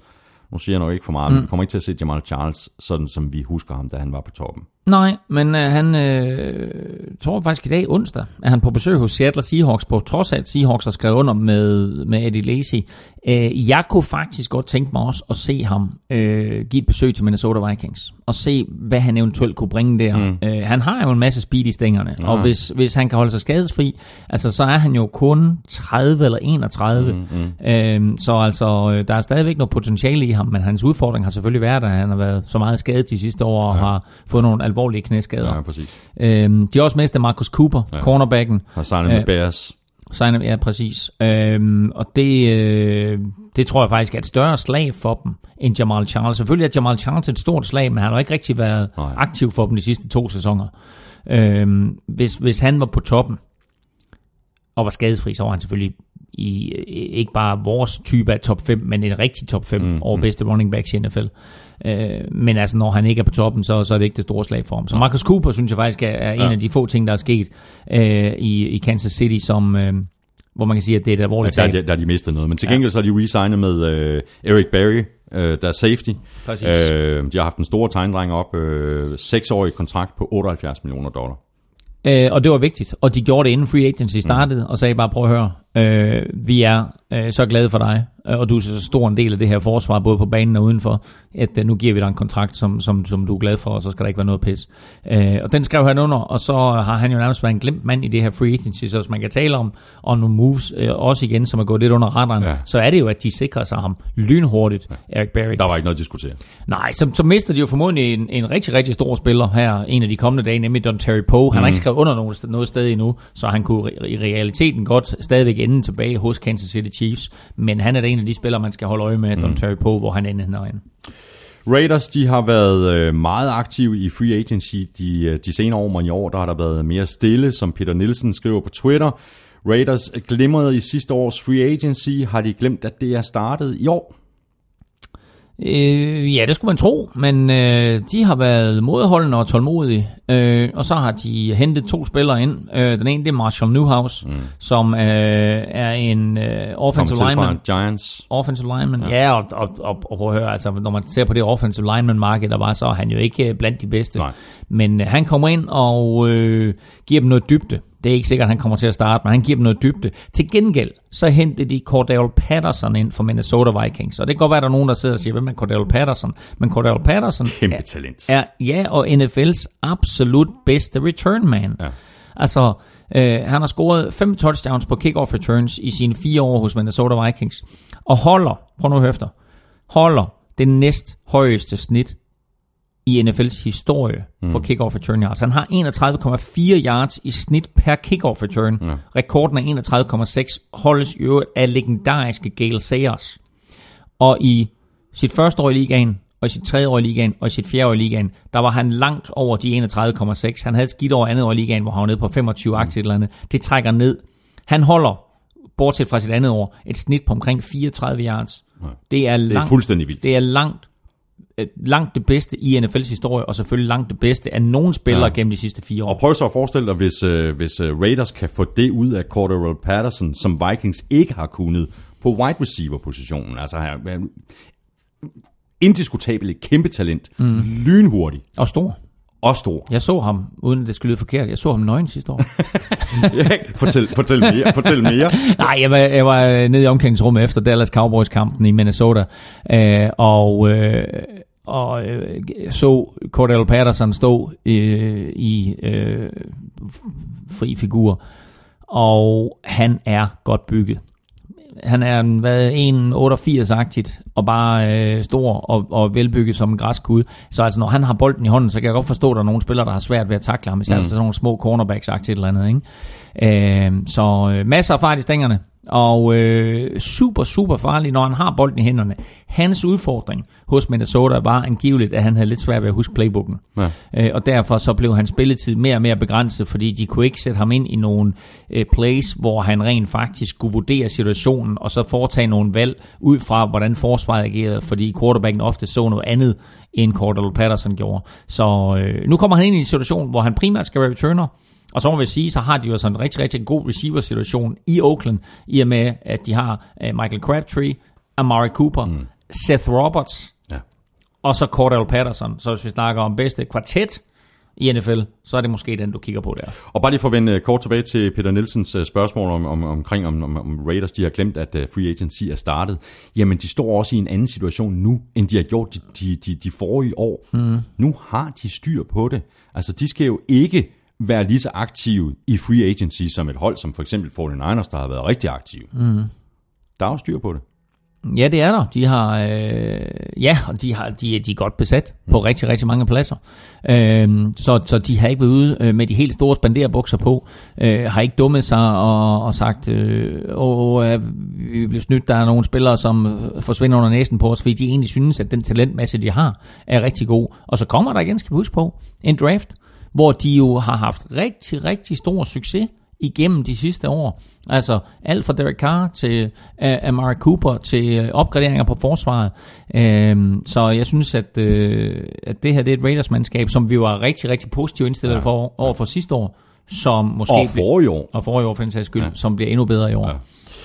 Så napper vi uh, Chargers, uh, de, du var også inde på det, uh, offensive tackle Russell Okun på en uh, stor kontrakt uh, efter et uh, lidt mindre succesfuldt år i, i, i Denver. Fireårig kontrakt til 53 millioner dollar, 25 millioner mm. garanteret.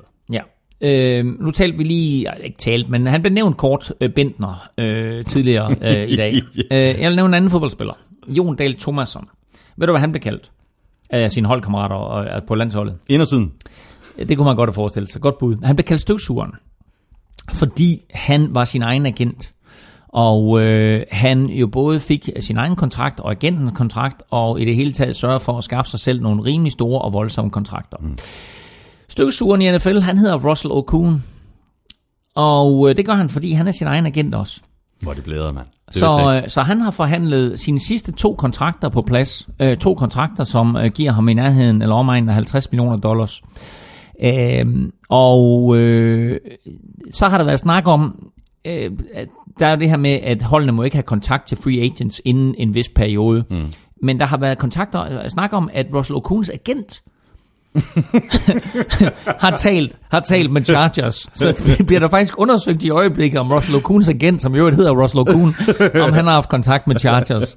Men, øh, men altså, han er i hvert fald en ny mand hos Chargers. Øh, om, om han så bliver en, en, en stor tilføjelse, om han bliver starter, det, det, må, det må tiden vise. Men i hvert fald så er han der nu.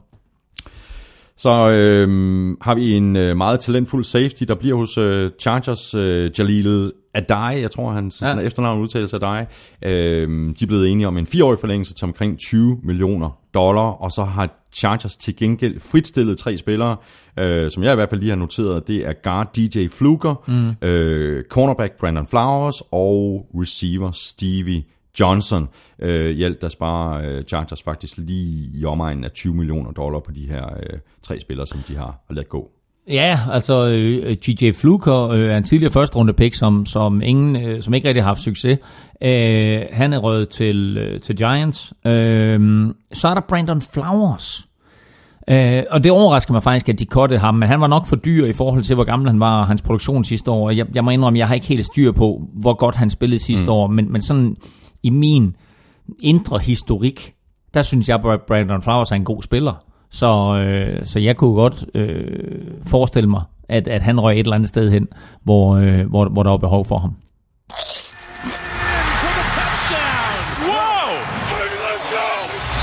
Ugen spiller præsenteres af Tafel. Så er vi halvvejs, Claus Elming. Mere forhåbentlig. Og nu skal vi have fundet en øh, heldig vinder i ugens spillerkonkurrence. Jeg skal bruge øh, sækken, øh, Claus, fordi ja. jeg har en ordentlig bunke øh, navne her, som vi kan smide i.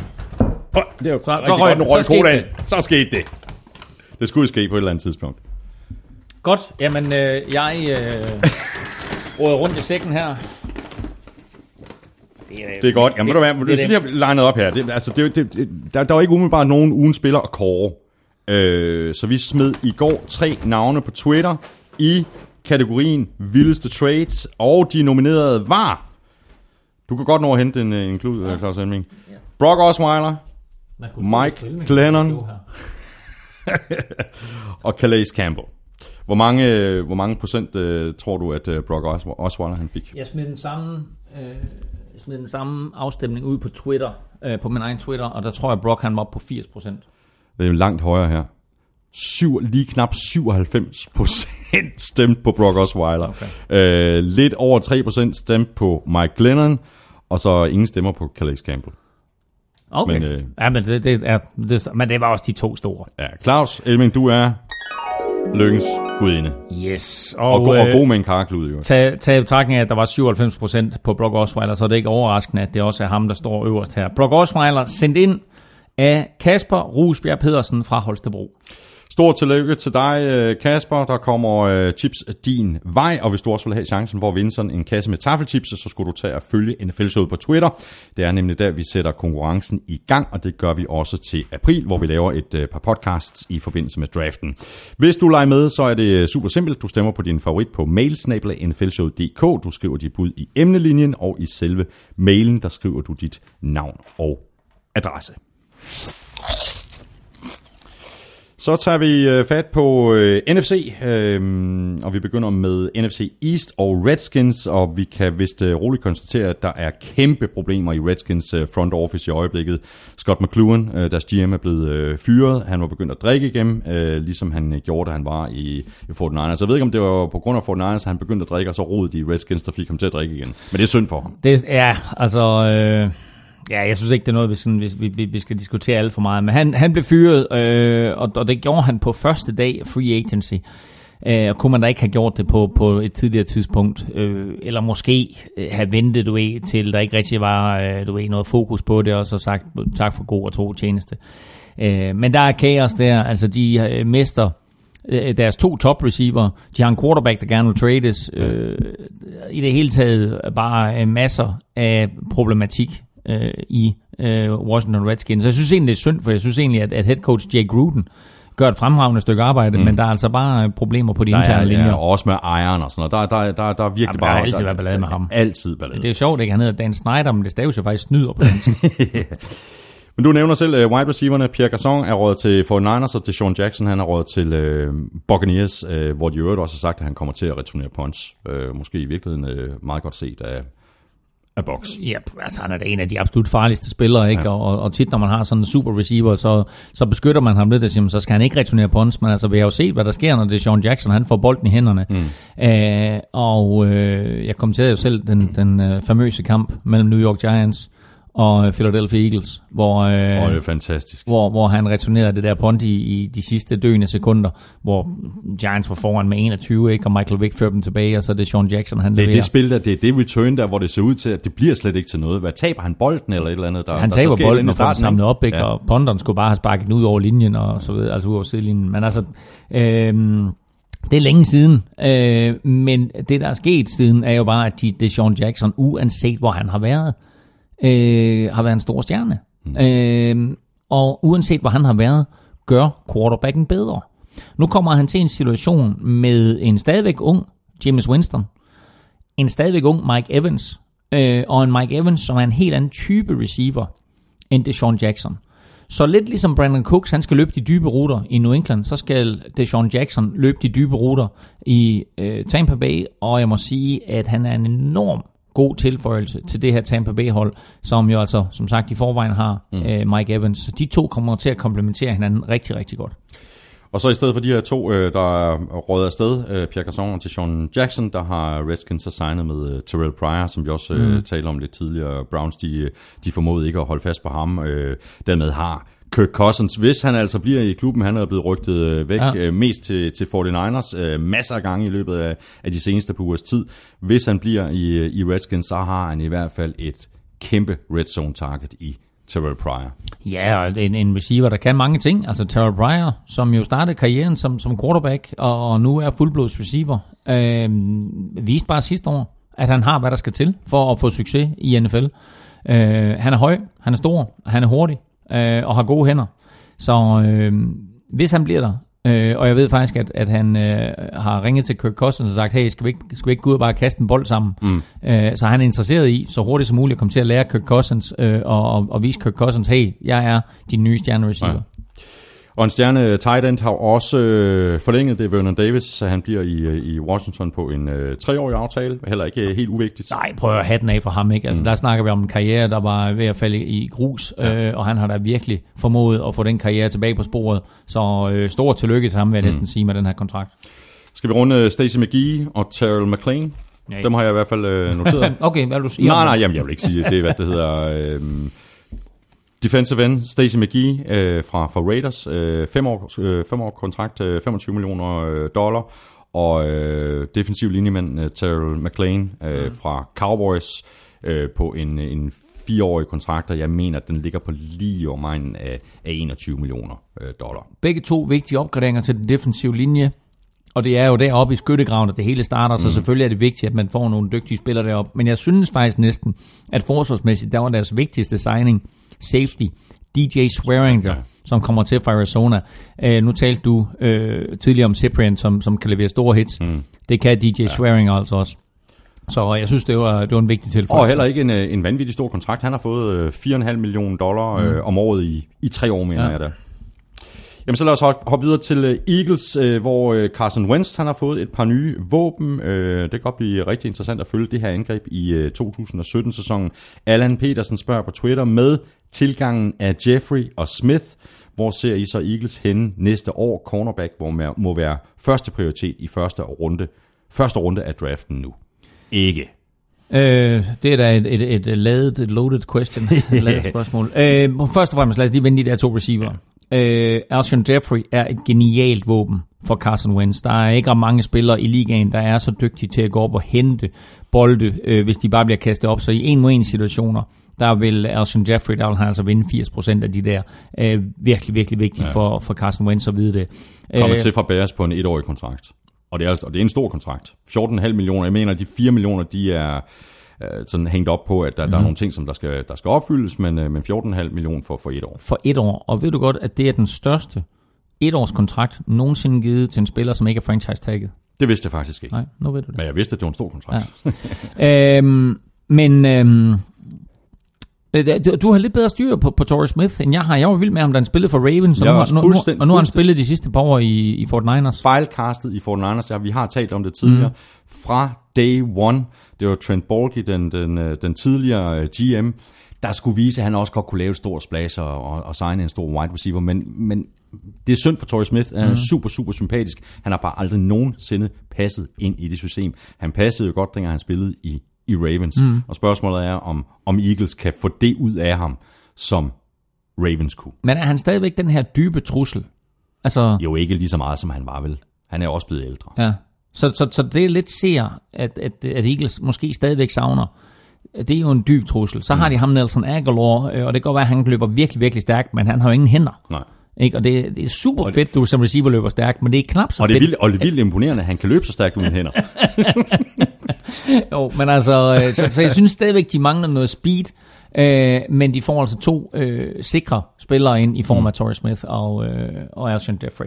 Om de mangler cornerback, øh, ja, det gør de nok. Jeg synes jo, at de egentlig de spillede øh, ganske fornuftigt på forsvaret sidste år, og startede i hvert fald som lyn og torden.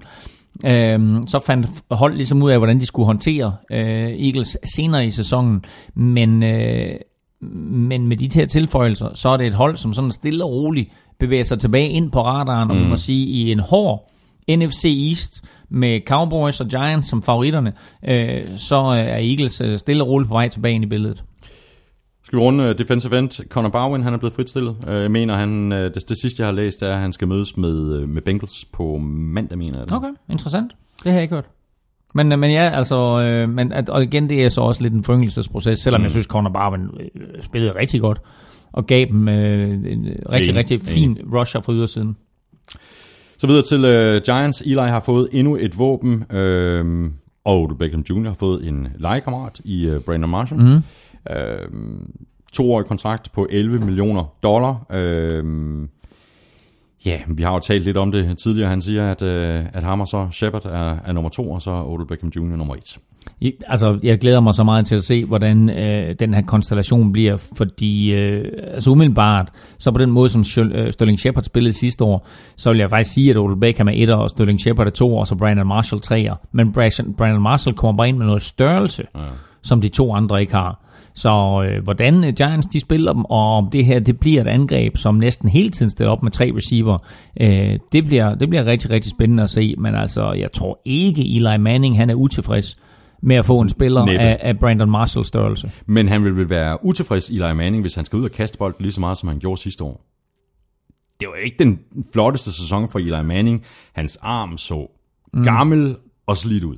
Ja, det var ikke... Øh, det var, og du Så de skal have gang, de skal gang i løbespillet, ikke? Ja, ja, men nu har de så sagt farvel til Rashad Jennings. Mhm. Mm-hmm. Øhm, og det betyder så, at Paul Perkins, han mere eller mindre er den eneste running back, de har på holdet lige nu. Selvom der var en, en smule rygter om, at Adrian Peterson, han måske kunne komme til New York. Mm. Øhm, og det, øh, altså, det er kun på rygtebasis, og det, er- det er måske rygter, som nærmest er aftagende. De var lidt større for en måned siden. Mm-hmm. Øhm, men... Øhm, men altså, ja, de skal have en opgradering på running back, for jeg synes ikke, Paul Perkins er den eneste, de skal læne sig Nej, op af, nej. så de skal have et eller andet der. Øh, de har hentet hjælp på tight end også ind i, i form af Red Ellison fra ja. Minnesota Vikings, apropos. Øhm, Klassisk blocking tight end, ikke? jo, altså jo, men faktisk okay, når han har bolden i hænderne. Mm. Øh, men, men jo, han er en klassisk blocking tight end, så det kunne også vidne om, om at de laver øh, en opgradering i, i deres løbeangreb. Mm. Og så har de øh, sagt farvel og tak til Vic- Victor Cruz. Han er ikke på kontrakt længere. Øh, han har holdt, holdt møde med Panthers, og ifølge ham selv, der gik det rigtig godt. Cruz. Cruz. Så jeg håber, han kan komme tilbage. Sådan for 11 år, ikke? Jo, han, han, han kom jo tilbage sidste år, men, ja, men, men ikke for- øh, ikke for der blev danset salsa en enkelt ja, gang eller to. Ja, ja. Så er vi nået til øh, Cowboys, øh, som jo så mere eller mindre desperat forsøger at trade Tony Romo, i stedet for bare at, at fritstille ham. Det mm. har vi øh, talt øh, lidt om. Øh, men det vi ikke har talt om i for, forbindelse med Romo, Romo, det er, at der, der kører også rygter om, at der måske er nogle tv-stationer, der gerne vil hive Tony Romo ind som kommentator, hvis han altså ikke fortsætter sin karriere. Jeg tror, jeg, jeg er rimelig overbevist om, at Tony Romo gerne vil øh, spille en sæson eller to eller tre mere hos en contender, så han kan vinde den ring, som han mangler. Ja, altså øh, selvfølgelig vil han gerne det, og, og selvfølgelig øh, kommer de her tv-selskaber og, og tilbyder sig, øh, og der vil der være stor rift om at få fat i ham. Men lad os nu, altså det er jo det er umuligt at sige, hvad der sker, fordi der er halvanden måned til draften, øh, og der kommer til at ske noget her i de her seks uger. Øh, om vi får den der trade at se, Øh, om det så bliver en trade, hvor Romo ryger et eller andet sted hen, og, han, og der så i traden ligger, at han skal genforhandle sin kontrakt, eller hvad der sker, mm. eller om Cowboys tager sig sammen, og så fritstiller ham, og så han er, er, er fri til at vælge klub. Det må vi se. Men det interessante ved Romo, det er jo, at øh, han bor i Dallas, og har gjort det de sidste 14 år. Øh, han har en kone, to børn, og et tredje barn på vej. Og det vil sige, at hvis han skal til at rykke hele familien op med, med hud og hår og rødder og hus og bil og villa og vores tre unger osv., så, videre, så flytter han ikke hvor som helst hen. Så det vil være en enorm fordel for ham at komme til Houston, mm. hvor der er tre timers kørsel måske, og 45 minutters flyvning. Det vil sige, at han rent faktisk kunne træne og spille dernede, og stadigvæk bo i Dallas, hvis det var. Mm. Øhm, og det er jo ikke, fordi der er så hundes langt flyvemæssigt til Denver heller ikke, så de to er, er, er muligheder. Mm. Øh, så er der et par andre klubber, der ligger dernede, men som har styr på quarterback-situationen. Øh, men altså, øh, må ikke det hele det ender med, at han ryger til Houston. Jamen, Jeg tror også, det, ja. det, det er heller mod. Jeg har ellers ja. hældt mod, mod Broncos længe, men ja. den seneste uges tid, Ja. så synes der er mere og mere, der lugter af, af, af Texans. Øhm, for lige at blive hos øh, Cowboys og deres O-line, så er den i hvert fald blevet øh, svækket. Ja. Øh, den her super stærke O-line, men øh, højre tackle Doug Free har valgt at stoppe karrieren, og øh, ja, altså, det er noget af slag for Cowboys. Doug Free er gået på pension. Øh, den havde jeg ikke set komme, Nej. fordi han, øh, han var en, en, en vigtig spiller, og fordi den højre side med Zach Martin på guard og Doug Free på højre tackle, i mine øjne ubetinget, var den bedste højre side i NFL. Mm. Og Jason Garrett troede jo helt, øh, helt stensikker på, at han ville fortsætte, han ville tage en sæson mere. Præcis. Han sagde det en uge før, at han, han trak sig Ja. tilbage. Jeg vide, om Cowboys havde grebet den her free agency-periode lidt anderledes an, hvis han havde sagt det lidt tidligere. Ja, måske. Altså, øh, det, det er da ikke sikkert, at, at de ikke havde gået hårdere efter Ricky Wagner mm. fra, fra Baltimore Ravens, som jo er den her øh, typiske højre tackle. Eller måske endda Riley Reef fra, fra Detroit Lions, men øh, faktum er i hvert fald, nu mangler han. Og de har også mistet Ronald Leary. Mm. Så de har mistet to øh, af, af de otte spillere, øh, som, som de har på den offensive linje, og selvfølgelig kun fem starter. Øh, men, men Doug Free øh, var en vigtig spiller. Uanset hvem der kommer til at spille den tackle der, så bliver han selvfølgelig hjulpet af, at han står ved siden af Zach Martin. Men det var bare en, en god linje, som, øh, en god højre side, som fungerede godt sammen med de to. Mm. Så, så der skal, det, det er klart, at der skal de ud og finde en ny mand. Chance Williams bliver hos øh, Cowboys, øh, og så har Cowboys også signet med defensive end Stephen Paye. Paye, ja. øh, tidligere Browns. Mm. Øh, etårig kontrakt på, på 2 millioner dollar. Ja, den har jeg ikke så meget at sige til. Jeg vil sige, øh, der hvor de virkelig skal sætte ind, det er, at de skal, øh, de har mistet Barry Church øh, allerede, mm. øh, og så har de mistet den anden safety, J.J. Wilcox. Og det vilde af det hele, det er, at både Brandon Carr og Morris Claiborne, de to cornerbacks, stadigvæk ikke er på kontrakt, og principielt er free agents. Og principielt kan skrive under med alle mulige andre. Ja. Der skal de altså gøre noget for at få minimum den ene, og gerne dem begge to på kontrakt. Og Claus, nu skal vi finde nogle tips her, fordi nu er vi nemlig nået til dine øh, Vikings, øh, som vi... Jo, jo, jeg, jeg, jeg, har, jeg har tipsene, du, du får ikke nogen. Nej, jeg har også spist en halv pose nu, tror jeg. Øhm, der er sket en masse. Mest, øh, mest ud af butikken, ikke? som vi også øh, talte om øh, lidt tidligere. Jo, de har mistet, øh, de har mistet en hel del spillere, og de har ikke været i stand til at resigne spillere, og nogle af de spillere, som de gerne vil have fat i, har skrevet under andre steder. Og så har de hentet hjælp ind til den offensive linje, som vi jo vidste, at der var behov for. Men de to spillere, de har hentet ind, øh, er måske sådan fra, øh, fra ligesom det andet niveau. Det er ikke sådan helt topspillere. Øh, og de har givet for mange penge for dem. Ja, Riley Reef var lige knap 60 millioner dollar, ikke? På en femårig kontrakt.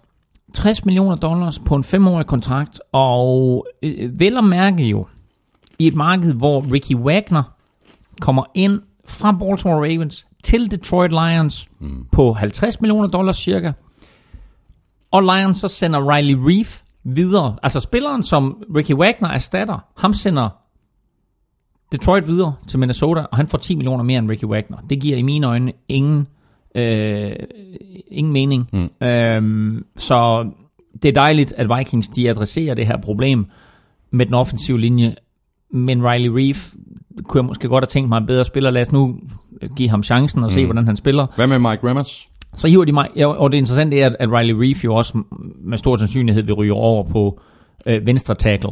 Øhm, medmindre det tager Mike Remmers, som er kommet til fra øh, Carolina Panthers, mm. som jo øh, har været øh, i, i, i Minnesota før. Øhm, spillede i Super Bowl for, for Carolina Panthers, så gjorde det sådan set fornuftigt. Øhm, men øh, han er også kommet til. Så altså to nye tackles ind Også til, en femårig kontrakt. til, til. Minnesota Vikings. Ja, nu kan jeg ikke huske tallene, men jeg tror, det var 30, 30 millioner. og 30 millioner, okay, ja. jeg ville have sagt lidt mere faktisk. Øhm, så han er nok en bedre deal øh, i- mine øjne, end, end Riley Reef er. Men altså, vigtigt selvfølgelig, at de gør noget ud af det her, og, øh, og at- at de allerede nu kigger på hjælp til den offensive linje. Jeg synes stadigvæk, de mangler en, øh, en højere guard, mm. øh, og det kan så komme via draften, eller måske senere i, i free agency. Jeg ville hellere have haft, at de havde brugt mange penge på for eksempel at hive Kevin Seidler ind, mm. øh, som røg til Cleveland øh, fra Cincinnati, øh, i stedet for at bruge øh, så mange penge på Riley Reef. Men altså, okay, tackle er en, en, en større og vigtigere position end guard. Så har vi øh, linebacker Chad Greenway, der har stoppet karrieren. Det var forventet. Det, Ja. ja. det, det vidste vi. Øh, lang og tro tjeneste øh, for, for Minnesota Vikings. Han er en af de her spillere, som øh, var i stand til at blive draftet af Vikings, og så bliver der i hele sin karriere, og har trukket sig tilbage nu. Og øh, nu talte vi lidt om, om DeMarcus Ware tidligere, og hvad han betød for omklædningsrummet. Det er lidt den samme betydning, som øh, Chad Greenway har haft, at der har været en enorm stor respekt mm, mm. Øh, omkring ham. Så, så han bliver helt sikkert et tab. Øh, mindre på banen end udenfor, men altså selv i sin sidste sæson for Vikings, der spillede han jo godt også. Vi har talt om øh, Adrian Peterson, der er røget væk. Cordero Patterson. Øh, så er der Captain Monolin, der også er røget. Ja, Adrian Peterson skal lige sige, han er ikke røget endnu. Han er free agent, han har ikke skrevet under nogen steder, så han kunne godt komme tilbage. Øhm, Charles Johnson, receiveren, er røget. Captain Monolin tager tilbage til øh, Carolina Panthers. Øhm, Matt Khalil tager også til Carolina Panthers, mm-hmm. og det øh, vender vi tilbage til senere, men kort fortalt, så er det jo en, en uh, familie-reunion dernede, Sammen fordi Ryan. Ryan Khalil spiller mm. center, og så kommer Matt Khalil ind og spiller tackle. Kommer til at stå lige ved siden af hinanden. Ja, næsten. Ja, ja. Kommer, kommer lige til at stå en guard. Kommer lige til at stå i imellem. Ja, ja, præcis. Um, men men øh, en spiller, jeg godt vil bringe på banen, det er Red Ellison, som vi talte om før, der var røget til New York Giants. Mm. Og ikke, at han er nogen stor profil, men det, der kom frem i den forgangne uge, øh, som kom fra, fra munden af øh, Red Ellisons far, det var, at Red Ellison sagde, at der var et meget, meget betændt miljø i Vikings omklædningsrum. Øhm, og hvis vi tænker tilbage på, hvad der skete i spil uge 17 med nogle meget markante spillere, der lidt gjorde oprør imod Mike Simmers strategi, øh, inklusiv jo cornerback Terrence Newman, som jo ellers har været en Mike Zimmer-mand. Ja. Mike Zimmer spiller hele vejen igennem, og Terrence Newman er jo også på vej ud. Mm. Øh, så er, sker der altså et eller andet i Minnesota, som jeg ikke er i stand til at sætte ord på, men kun kan, kan genfortælle, hvad, hvad Red Ellisons far sagde der, at øh, spillerne ikke bryder sig om den måde, øh, de bliver behandlet på, og den mm-hmm. måde, som, som der bliver coachet på, øh, og så videre. Øh, og det er måske en af årsagerne til, at Vikings har mistet så mange spillere, ikke har været i stand til at hive spillere ind, fordi det er klart, at sådan noget det rygtes i spillerkredse. Øhm, Hvad går rygtet på? Er det Simmer, øh, rygterne går på, eller er det... der er, ikke, der, er ikke, der er ikke sat decideret navn på, at det er Mike Zimmer. Det er mere måden, trænerne Aha. øh, håndterer situationen på, og, og den måde, hele organisationen bliver styret på. Om det er helt op på, på øverste ledelsesniveau, eller det starter på trænerniveau, eller hvor det Hvis er. det er sandt, så er det jo, så er det jo et kæmpe problem, fordi altså, hvis der er gift i bygningen, ikke, så er der gift i bygningen. Og det, som Red Ellisons far også sagde, det var på at forestille, at du har det flotteste stadion i hele NFL, det nyeste stadion i hele NFL, øh, de fedeste faciliteter, øh, og et hold, der på papiret har Super Bowl chancer, og alligevel så flygter spillere derfra. Ja. Øh, det vidner om problemer i Minnesota. Hmm. Hvordan ser du bare sådan rent uh, free agency-mæssigt indtil videre? Jeg ved godt, du, får, du kommer med en mm. top 5. Uh, ligger de og roder rundt nede i, i, i bunden Vikings? De er med i en af de to top 5. så har du ikke sagt for meget. Nej. Så er vi videre til uh, Packers. Øh, de har sagt farvel til uh, Jared Cook på Titans. I stedet der har de så sagt uh, goddag og velkommen til Martellus Bennett, der efter en uh, enkelt sæson hos Patriots har skrevet under på en treårig kontrakt på uh, en lidt over 20 millioner dollar. Uh, uh, Green Bay Danmark uh, spørger på Twitter, hvad siger I til, at Packers har skilt sig af med Cook for at hente Bennett? Jeg tror, Aaron Rodgers er rimelig godt tilfreds.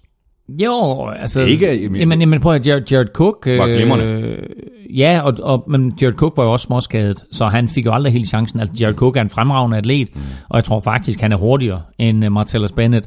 Uh, Martellus Bennett er større. Uh, det, der også er sket, det er, at de også har hævet Lance Kendricks ind, mm. uh, tight end fra Los Angeles Rams. Så for første gang i Aaron Rodgers karriere som quarterback for Green Bay Packers, der har han faktisk en meget, meget respektabel dobbelt tight end set mm, nu med Martellus Bennett og Lance Kendricks. Det bliver rigtig, rigtig sjovt at se, hvordan han kommer til at benytte det. Øhm, jeg kan rigtig, rigtig godt lide Jared Cook, og er han skadesfri, så vil jeg våge påstå, så er han blandt de bedste atleter overhovedet mm. øh, på tight end positionen i NFL. Øhm, men, øh, men Martellus Bennett kommer ind, og han tager Green Bay med storm, fordi det første, han gør, det er, at han på Twitter, der skriver han ud, så siger han, prøv at høre, Green Bay fans, jeg er super glad for at være her. I skal bestemme, hvad for et nummer jeg, vil spille, jeg skal spille i. Her er fire muligheder. Det er de fire numre, der er mulighed for, at jeg kan komme til at spille i. Hvad for et skal jeg tage? Og lige nu, der fører nummer 80. Så lidt ligesom vi afholder afstemninger på Twitter, så har han altså afholdt en afstemning på Twitter. Er det og, og det lader til, at han kommer til at spille øh, i, i nummer 80 for Mm. Green Bay Packers. Men hvad gør Packers på, på running back, øh, Claus? Ingen Eddie Lacy, ingen uh, James Starks. Uh, de har Ty Montgomery, som overraskede sidste år, som konverterede fra wide receiver til running back. Mm. Og så har de også uh, lille henrivende uh, Christian Michael. Christine, hun er der stadigvæk. Jamen, jeg ved det ikke. Altså, øh, nu skrev Eddie Lacy under med Seattle Seahawks. Det vil sige, at han er væk. Øh, så er der free agent, så er der stadigvæk uh, Latavius Murray. Mm. Der er Adrian Peterson, som har været nævnt. Øh, der er også øh, Jamal Charles selvfølgelig. Øh, ham, ham tror jeg ikke på. Men altså, en af de to før nævnte, øh, Latavius Murray eller, eller Adrian Peterson. Og så har de selvfølgelig mulighed for at gå i draften. Og så har de naturligvis øh, draften, og øh, øh, ja, altså det, det er selvfølgelig det, det er et punkt, hvor de selvfølgelig skal øh, kigge efter en running back i draften, om det så bliver, øh, det bliver næppe i første runde, men, øh, men måske i anden eller tredje. Mm. Så har de mistet right guard TJ Lang til uh, Lions. Den går ondt. Det gør den nemlig. Lad, os- lad, os- lad, os- lad os vende ham, når vi kommer tilbage til Når vi kommer til. Lions. Ja, ja lige præcis. Øhm, de Mike, beholder... Ma- Michael Hyde talte vi om. Han, han er røget Ja, videre. Synes ja. jeg også gør ondt. Ja, præcis. Julius Øh, Peppers, prøv at høre, spillede en suveræn sæson sidste år. Ja. Altså, øh, han er gammel, men han, øh, han ryger tilbage til Carolina her. Ja. Og det er ikke sådan en, en kontrakt som det Marcus Ware, hvor man får en enkelt kamp i, i jakkesæt og pæne sko. Nej, nej. Øh, Julius Peppers, han ryger tilbage, og han trækker hjelm og skulderbeskytter på øh, hver uge, så han slutter altså med stor sandsynlighed i karrieren, hvor den startede nemlig hos Carolina. Mm. Og så beholder Packers den øh, dygtige pass rusher, outside linebacker Nick Perry. Han har skrevet under på en øh, femårig aftale til mm. 60 millioner dollar. Og det er meget godt gået øh, til betragtning af, at, at han var sådan lidt på vippen for mm. i år. Skrev en etårs kontrakt, tror jeg det var, på omkring 5 millioner dollars. Gør det rigtig, rigtig godt sidste år. Og det belønner de ham så med, at øh, han får lige øh, ja, en 350 millioner kroner stukket i hånden. Her, min ven. Gå ud og køb et nyt hus og en ny båd og en ny bil. Og han købte et par biler, faktisk. Så er vi videre til Lions, og så kan vi da bare tage øh, TJ Lang med det samme. Øh, kommet til fra Packers og skrevet under på en treårig kontrakt på 28,5 millioner dollar.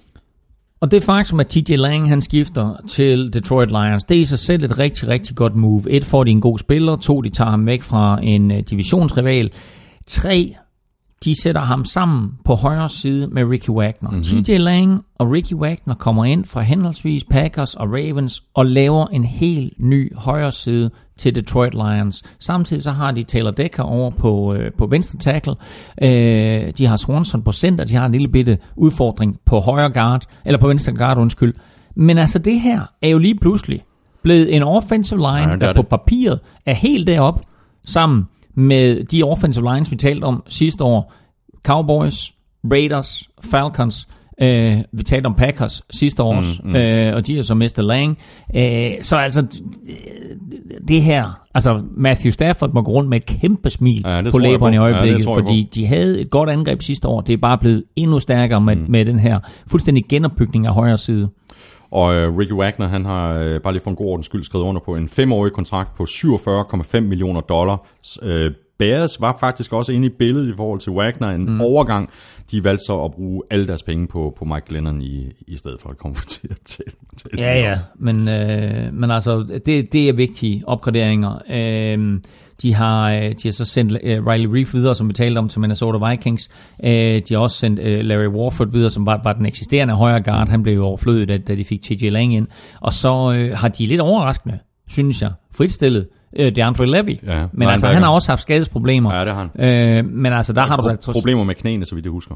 Ja, altså, øh, og selvfølgelig en spiller i sin karrieres efterår, men, men altså, øh, dygtig takler. Ja. Øh, og øh, solid spiller. Hvis han er rask, så er han altså værd at hive ind på et hvert hold.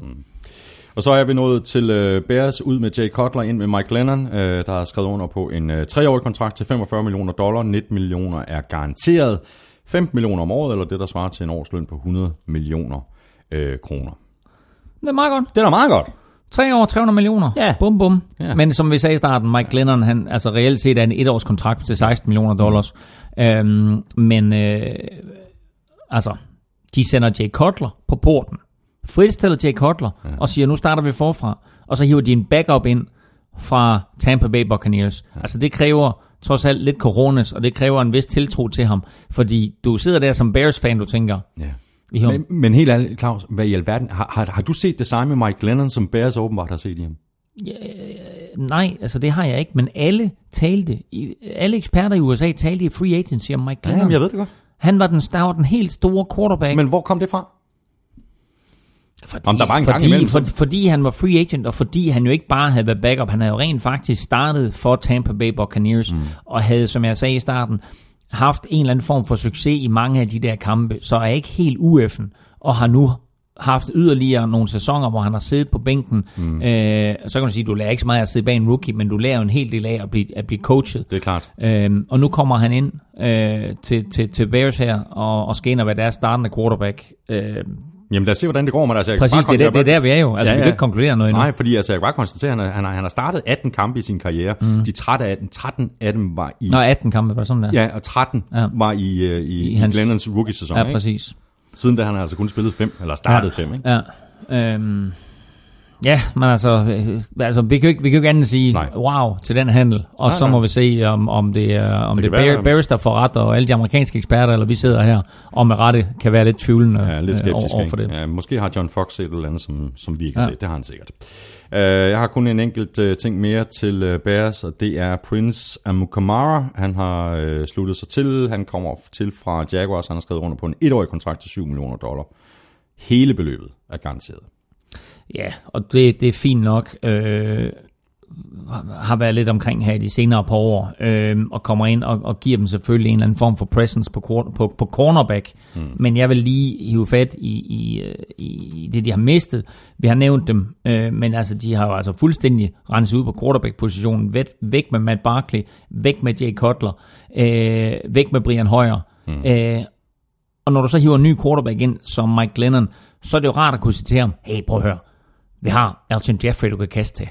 Men det har de ikke. Nej, der har de ikke. Fordi han er, er røget videre til Eagles. Ja, ja. Så, øh, så han er altså også væk. Og, og ikke at han er noget stort navn, men tight end Logan Paulson er, er røget til San Francisco, ja, 49ers, ikke? Ja. Så altså, det her det er et hold under genopbygning med en quarterback, som, som Samme kommer ind. som uh, Barkley og, og Højre. Altså, Ja, ja. Ja, ja. Lige nøjagtigt. Øh, så, så, så, så, så de er væk, ikke? Øh, men øh, ja, så er der selvfølgelig Kevin White, øh, som, øh, som har været småskadet, øh, men har masser af potentiale, og så må Ja. vi se, hvad, hvad de gør i draften. Så springer vi til uh, NFC South og Panthers. Vi skal se, om uh, det her hold det kan få rettet op på skuden i 2017 efter en uh, mildt sagt uh, skuffende 2016-sæson. Forløbig, Claus, der er de godt i gang med at sætte sig på markedet for, for spillere, der hedder Charles Johnson. Mm. De har forlænget med uh, forsvarsveteranen Charles Johnson, og så har de skrevet kontrakt med den tidligere Vikings uh, receiver Charles Johnson. Ja. Han har fået en etårig kontrakt på 2,2 Ja, er millioner. er der- Jeg ved er ikke, hvor mange... Jeg ved, nej, der er ikke flere indtil videre, men jeg hører, at de arbejder benhårdt på at få en, en, en tredje Charles Johnson. Vi er nødt til lige at undersøge draften, om der er nogen Charles Johnson tilbage der. det vil være stærkt, hvis de gjorde det. Øhm, jamen altså, øh, jeg tror, den, den største kontrakt, jeg har indgået, det er jo faktisk med Matt Khalil, øh, tackle, som kommer til fra Minnesota Vikings, ja. som blev draftet øh, i første runde for 5-6 år siden, øh, havde en fantastisk rookie-sæson, blev valgt til Pro Bowl, øh, men siden ikke rigtig har kunne leve op til det niveau, øh, og sidste år missede han hele sæsonen med en skade. Men på trods af, at han missede sæsonen med en skade, så kommer han til Panthers her og skriver, at det er en Fem, fem, femårig kontrakt fem til år- 55 55 millioner dollar. er det 55 millioner? Ja, 25 millioner garanteret, så vidt jeg husker. Jamen, prøv at det, det er jo et uhemmet kontrakt. Mm. Mm. Øh, så øh, det, altså det, det håber jeg, Panthers bliver glade for, fordi jeg tror ikke, at vi er helt utilfredse med at slippe mm. ham i Minnesota, og slet ikke, hvis det var den slags penge, han skulle have. Øh, men prøv at høre, mega fedt, øh, og jeg talte lidt med min lillebror om det, øh, at øh, Jesper og jeg, vi vi var øh, jo i den ærgerlige situation, at vi ikke nåede at spille ret mange kampe sammen. Men de kampe, vi nåede at spille sammen, det er stadigvæk sådan nogle, man tænker tilbage på. Mm, mm. Og nu her, der kommer Matt Khalil og Ryan Khalil altså til at, at spille sammen en hel sæson, hvis de ellers begge to er skadefri. Ja.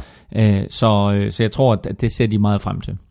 Og så nævnte du det øh, for, for, for lidt siden, Julius Peppers, uh, defensive end, han uh, vender hjem til Panthers efter syv år, er det vel, øh, han har spillet i NFC North uh, for henholdsvis uh, Bears og Packers. Mm. Uh, han har skrevet under på en etårig aftale til 3,5 millioner Det er dollar. rigtigt. Jeg er faktisk, jeg er faktisk helt spillet ud, han var hos Bears, men det var han, så han startede selvfølgelig deroppe.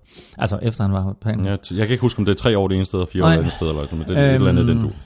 Men, øh, men ja, nå, men en- interessant. Øh, han kommer hjem, øh, og, øh, og altså, han har stadigvæk benzin i tanken. Mm. Så jeg tror da, at, at han nok skal, skal tilføje et eller andet på det pass rush.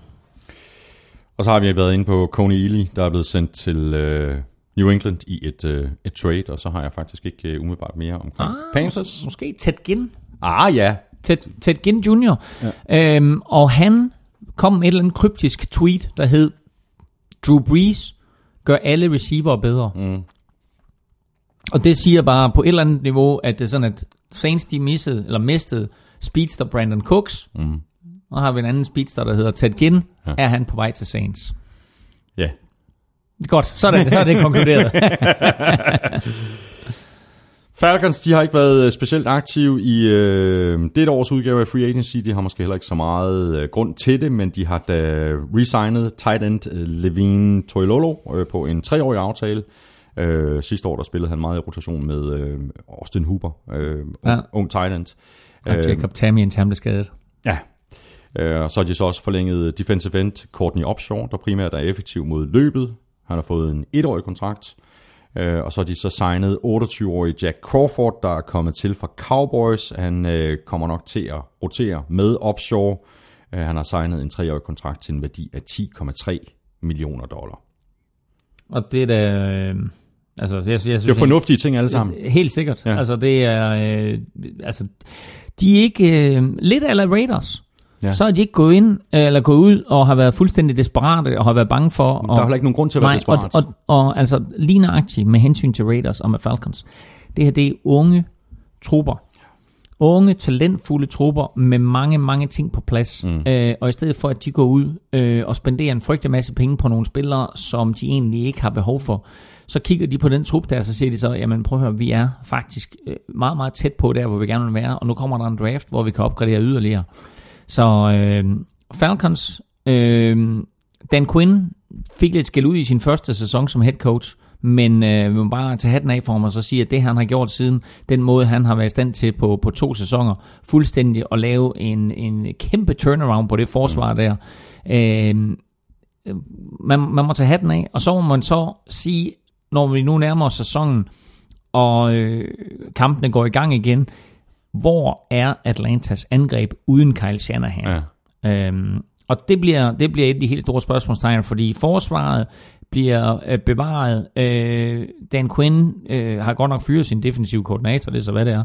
Øh, men han er ligesom stadigvæk manden på toppen, der har sat det her sammen, har hentet spillerne ind og fortsat i draften. Og måske her i sen free agency ja. Øh, kunne tænkes at hive nogle spillere ind. Men øh, jeg tror også, vi talte om det i, i sidste sæson, Claus, at øh, selvom det er et ungt øh, Falcons hold, øh, det her øh, med masser af potentiale, øh, masser, masser af unge spillere på, mm. på, på vej op og frem, øh, og selvom de havde beholdt Kyle Shanahan som offensiv koordinator, så er det, det, det, er næsten, det er næsten utænkeligt, at de skulle kunne kopiere tallene fra sidste sæson i 2017-sæsonen. Altså det, det er bare ikke nemt at eftergøre. Nej. Der er simpelthen så mange men, ting, der men, skal- Men, men, men lad være med at kigge på statistik. Det, en, det eneste statistik, statistik, du skal øh, fokusere på, det er et WRL. Mm. Øh, og det er, hvor mange kampe vinder vi. Øh, Men det er jeg fuldstændig enig i, men der, der er bare mange, der taler om, om, om de her fuldstændig øh, vilde statistikker, som det her Falcons angreb øh, fyrede af sidste år. ikke? Jo, men, men altså øh, igen, øh, hvis Falcons forsvar havde været lidt skarpere, så havde de også vundet Super Bowl, ikke? På den anden side havde Falcons angrebet været ja, lidt skarpere, så havde de også vundet, ikke? Ja, altså, men altså, det, der, der er så mange ting. Øh, men det her, det er bare et ungt hold med masser af fart, og altså, for at bruge en god gammel floskel, speed kills, mm. og det gør den både på angreb Ja. og på forsvar. Så øh, de har jo lige øh, hævet Andre Roberts ind, øh, skal vi lige huske. Receiver, der kommer til Okay, det fra... vidste jeg faktisk ikke engang. Nej, men det skete i går, øh, tirsdag. Uh, Andre Roberts, som kommer ind fra Detroit Lions, mm. så øh, ny receiver og lege med for, for Matt Ryan. Mm. Men de har altså givet slip på øh, fullback Patrick øh, DeMarco. Vi, vi, det, det, det forstår jeg simpelthen ikke, men øh, det, det, har vi, øh, det har, har vi talt om. Saints, øh, jamen øh, de fik jo så sikret sig Patriots første rundevalg for Brandon Cooks. Øh, Ja, yeah, jeg ved ikke. Jeg er ikke helt sikker på, at jeg forstår trækket fra, fra Saints side, men øh, hvis Brandon Cooks han var, var utilfreds med, med lugten i badet, så giver det selvfølgelig mening.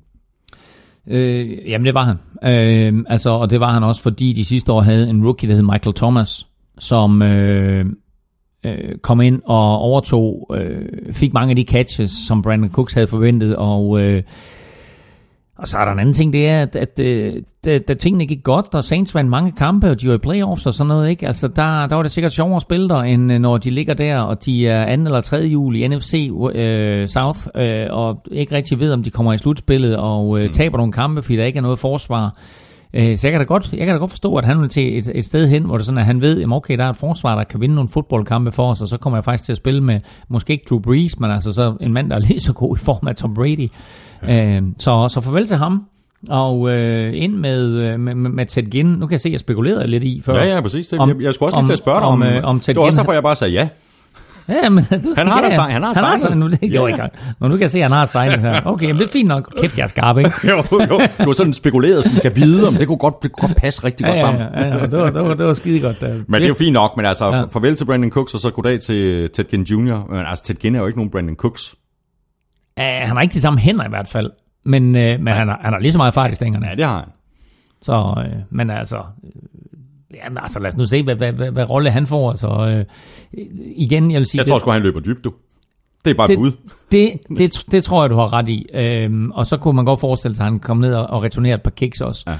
Ja. Øhm, men det væsentlige her, det synes jeg, det er, at øh, Saints øh, resignede den eneste spiller, som, som de rent faktisk synes, jeg skulle resign, nemlig kæmpe store Nick Fairley. Ja. Øh, og så skal de gå ud og få draftet forsvar, øh, fordi de har en masse potentielt Øh, altså, de har en masse, ma- ma- altså, de har en masse potentiale i deres angreb, mm. men de mangler et slagkraftigt forsvar, ja. og det skal de altså have styr på. Hvad med right guard Larry Warford, der er kommet til for Lions? Ham skal vi også lige nævne. Han har skrevet under på en femårig aftale til 34 millioner. Ja, Og de syt... ja, halvdelen er garanteret.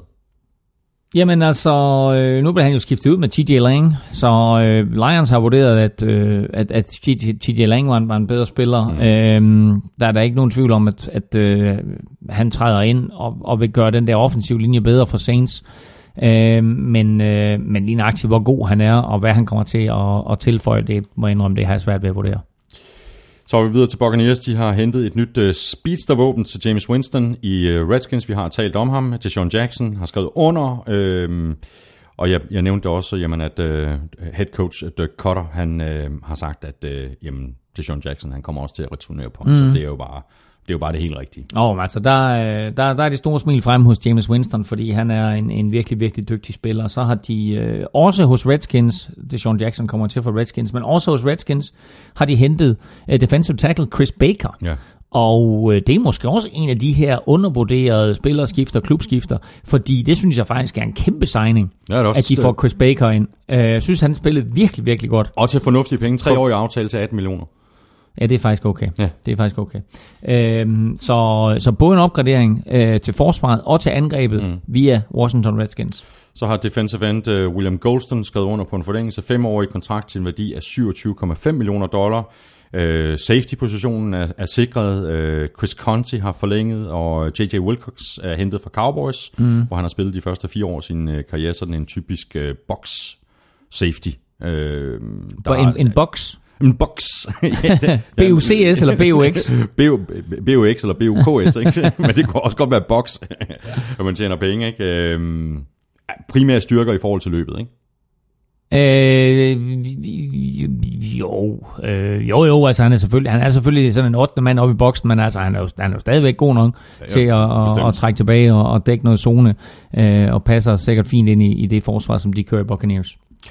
Så er vi nået til øh, sidste division, det er NFC Vest. Vi lægger ud med øh, Cardinals. Øh, de har mistet øh, på den defensive linje, Calais Campbell, han er nu i Jacksonville, ham har vi talt om. Øh, Chandler Jones har fået en femårig forlængelse til 85 millioner. Øh, de, de franchise-taggede jo øh, Chandler Jones, Ja. men de, og, og de havde helt frem til hvad det, midt, midten af juni eller til, til at nå en ja. aftale. De brugte en uge, og så, Ja. så landede de den aftale. Øh, Ja, øh, så, så øh, han fik, øh, altså efter at han skiftede sidste år fra, fra Patriots til Cardinals, øh, så må man sige, at, at øh, det var en af de få handler, som Cardinals vandt. Mm. Eller undskyld, hvad man, hvad man omformulerer, det er en af de få handler, som Patriots tabte. Øhm, jeg mener ikke, at, at det var de få handler, Cardinals vandt. Det var de få handler, som Patriots tabte, fordi øh, de fik Jonathan Cooper til øh, den anden vej. Jeg kan ikke lige huske, hvad det var mere, men, men de slap af med, med Chandler Jones. Men Chandler Jones havde en fantastisk sæson ja. for Cardinals, og de har altså så givet ham en, en ny, stor femårig kontrakt, så øh, må ikke han er fint tilfreds. Mm. Man kan altid vurdere, hvad vil du helst have? Vil du helst have en Super Bowl ring, eller, eller vil du helst have en, en stor kontrakt? Og der er ingen tvivl om, at Chandler Jones helt sikkert gerne vil have stået i den Super Bowl og haft den oplevelse med, og, og være en del af det comeback. Øh, men altså, nu er han i Cardinals. Øh, de elsker ham, og jeg er sikker på, at han elsker den paycheck, han har fået. Ja. Så, øh, så det, var, det var vigtigt for dem. Men ellers så har det været svært for Cardinals, ikke? Altså, de har mistet Calais Campbell, øh, de har mistet Tony Jefferson, Ja. Og den anden safety, DJ Swearinger, mm, så altså to, to dygtige safeties, øh, de har mistet. Øhm, og så øh, har de mistet, øh, må jeg indrømme, at nu, nu står der her, og det, jeg ved ikke, om det er mig, der... Nu har jeg... Undskyld, jeg har fucket op i det igen. Jeg skrev, Marcus Cooper var kommet fra Chiefs til Chicago. Øh, det, han er faktisk kommet fra, fra Cardinals til, til Chicago. Ja. Så, øh, så det, det var mig. Jeg sagde tidligere, at Marcus Cooper var kommet fra Chiefs, og det passer ikke. Han er, han, er kommet, han er kommet fra Cardinals. Men altså, de har haft Øh, de har haft en svær offseason her, altså stor kontrakt til Chandler Jones, men altså synes jeg, de har mistet nogle virkelig, virkelig store også. profiler på forsvaret. Der har de også, vi er fuldstændig enige. Så har de så signet øh, safety Antoine Bethea, øh, ganske kort tid efter han blev released af, Ja. ja. af, af 49ers. Øh, det er selvfølgelig en, det er en treårig aftale. Mm. Bethea er, er oppe i årene, så Ja. ja. jeg ved ikke, om han kommer til at spille den kontrakt. han, er, han er virkelig oppe i årene. Hvor gammel Ja. er han? 36, 35, whatever. han, han, han, er rutineret, han spiller godt, øh, men han, Ja, er jo ikke ja. frem, han er ikke fremtidens mand. Det kan man ikke påstå. Og så Carlos Dansby. Ja, han kommer tilbage efter øh, to sæsoner i Browns og en enkelt i, i Bengals. Ja, Ja. altså øh, tilbage tilbage. Ja, ja. Det, det er tredje gang nu, Ja, han præcis. kommer. Ja, Ja. ja. han er i, i Cardinals, så, så de kan godt lide ham, og han kan åbenbart godt lide at være der. Så øhm, tight end, Jermaine Gresham, Ja. har de resignet. Øh, fireårig kontrakt og dobbelt op på, øh, på årslønnen, så det er jo meget godt. Han er må- måske også øh, rimelig godt tilfreds øh, for sin paycheck. Ja, så skal han bare have en, der kan kaste boldene til ham. De har i hvert fald fået en, der kan sparke til bolden. Øh, forhåbentlig, det er Phil Dawson. Han har skrevet under på en fireårig kontrakt efter at være blevet released af 49ers. Ja. Øh, afløser så Chandler Catanzaro øh, efter en, en lidt skuffende sæson for ham. Videre til Seahawks. Øh, ligesom med Vikings skal de have opgraderet deres øh, offensive linje. Øh, de har signet en etårig kontrakt med Luke Jokel. Jokel, ja. Øh, der har spillet i Jaguars siden 2013, hvor han blev øh, draftet af Jaguars. Og han var første årende pick. Øh, men har aldrig levet op til den status. Mm. Øh, så der slap de altså en af, en af deres unge spillere. Mm. Øh, men øh, han er nok han blev, han blev draftet som, som tackle, men kommer nok til Seattle Seahawks som guard. Øh, og nu, øh, nu tror jeg faktisk, at han er jeg tror faktisk, han er en opgradering til Seahawks linje, men han er undværlig Ja. for Jaguars linje. Ja. Så det er en win-win for begge klubber. Men der skal heller ikke så meget til at opgradere den linje i, i Seattle. Nej, det skal der ikke, men altså, øh, du skal trods alt have en linje, som kan blokere, når det er sådan, at du ønsker øh, at løbe bolden med... øh, ønsker at løbe bolden med en Eddie Lacy, fordi Ja. Eddie Lacy er den seneste, de har skrevet en kontrakt med. Ja. Øh, der var fire running backs på besøg hos Seattle. Øh, Adrian Peterson, Jamal Charles, Latavius Murray mm. og Eddie Lacy. Og det endte altså med, at Eddie Lacy, han øh, fik kontrakten. Og Eddie Lacy vejede angiveligt 267 amerikanske pund, eller 121 danske kilo. Ja, det er lige overkanten. Lige Hvad sagde Pete Carroll? Du skal hjem og tabe, du skal ud og løbe, du skal tabe dig. han sagde, jeg kan lide min running backs tunge. Jeg vil gerne have ham tung. Okay, Så, så, det, det, øh, øh, så, så det kan være faktisk, at det var en af, en af grundene til, at de signede ham. Det var, at de sagde, okay, her der har vi altså virkelig, virkelig et monster. men trods alt kun for et enkelt år. Men trods alt også en ny beast mode. Ikke? Her Ja. har de fået en, som måske kan få publikum op og ringe på samme måde, som beast mode kunne, ikke? Ja. når han løber hen over folk. Men, øh, men det kræver, at du har en offensiv linje, der kan blokere, fordi en running back, 120 kilo eller ej, kan ikke gøre det der alene. Der skal være nogle huller, det skal mm. være sådan, så du ikke øh, støder i problemer, øh, når du rammer den defensive linje. Du skal helst op og have en en mod en med en linebacker, aktivt Ja, ja, eller andet. Så kan du enten trummel hen over ham, eller løbe udenom ham, men det kan ikke nytte noget, at du ikke øh, kommer gennem den offensive linje, øh, men at, at du nærmest sådan bliver strander der midt i det mm. hele. Det har, der har han ikke speeden eller accelerationen, Eddie Lacy, til at, at kunne gøre alene. Vi er, fu- vi er fuldstændig enige. Uh, Marshawn Lynch, han kunne bare skabe noget selv. Altså på, på, de mest vanvittige uh, måder, også uden en, mm. en O-line. Altså, Det er han, han var jo beast mode, altså. Jeg har ikke mere til Seahawks, faktisk. Øhm, så kan vi hoppe øh, til Rams. Øh, de har jo tænkt sig at trade deres øh, franchise-taggede cornerback Trumaine Johnson. Mm. Øh, de mener, ifølge det som jeg har læst mig til, øh, de mener ikke, at han passer til Wade Phillips øh, defensiv plan, så ham vil de gerne med med. Øh, ja, og interessant at se, hvad de kan få for ham. Øh, og også interessant måde at bruge det der franchise tag på, fordi som regel så bruger du franchise tag på en spiller, som du ikke rigtig kan blive enig med, og, og så øh, franchise tagger du ham, så skal han have en kontrakt, som svarer til gennemsnittet af de fem højst betalte på positionen. Mm. Øh, her der øh, franchise tagger de Trumaine Johnson for andet år i træk, øh, og så øh, er han pludselig op og skal have 120% af sin løn fra sidste år, eller et gennemsnit af de fem højeste betalte på, på positionen, øh, afhængig af, hvad for en af de to beløb, der er det største. Og øh, så snart de har gjort det, så røg han ud på trademarkedet, så nu leder de efter, forestiller jeg mig, øh, et anden runde eller tredje runde pick for Trumaine Johnson. Øh, og det, er hans situation mm. i øjeblikket. Øh, og får de ikke det, så spiller han selvfølgelig i Rams i den kommende sæson, men det er jo aldrig en fed situation at vide, at du Nej. egentlig ikke er så eftertragtet. Så Rams øh, opgraderet på den offensive linje med øh, left tackle Andrew Whitworth øh, mm. fra Bengals. Ham tror jeg også, vi nævnte, da vi talte om, om Bengals. Øh, treårig kontrakt til 36 millioner dollar, 15 millioner garanteret. Og det er også bare med at få noget beskyttelse til, til Jared Goff, ikke? Til hvem? Jo, altså... Ej, nu skal vi jo ikke dømme, dømme manden ud for tid. Jeg ved jeg godt, jeg, jeg har sagt øh, mange dårlige ting om Jared Goff, ikke? Øh, men altså, det er trods alt, at han går ind i sit, øh, sit andet år nu her i 2017, ikke? Tror du, han starter? Ja, godt i... Ja, I don't know. Jeg ved det ikke. Jeg ved det ikke. Hvem starter i stedet for? Det ved jeg ikke. Kommer du med frisk bud? Chase Daniel. Nej, det tror jeg simpelthen ikke på.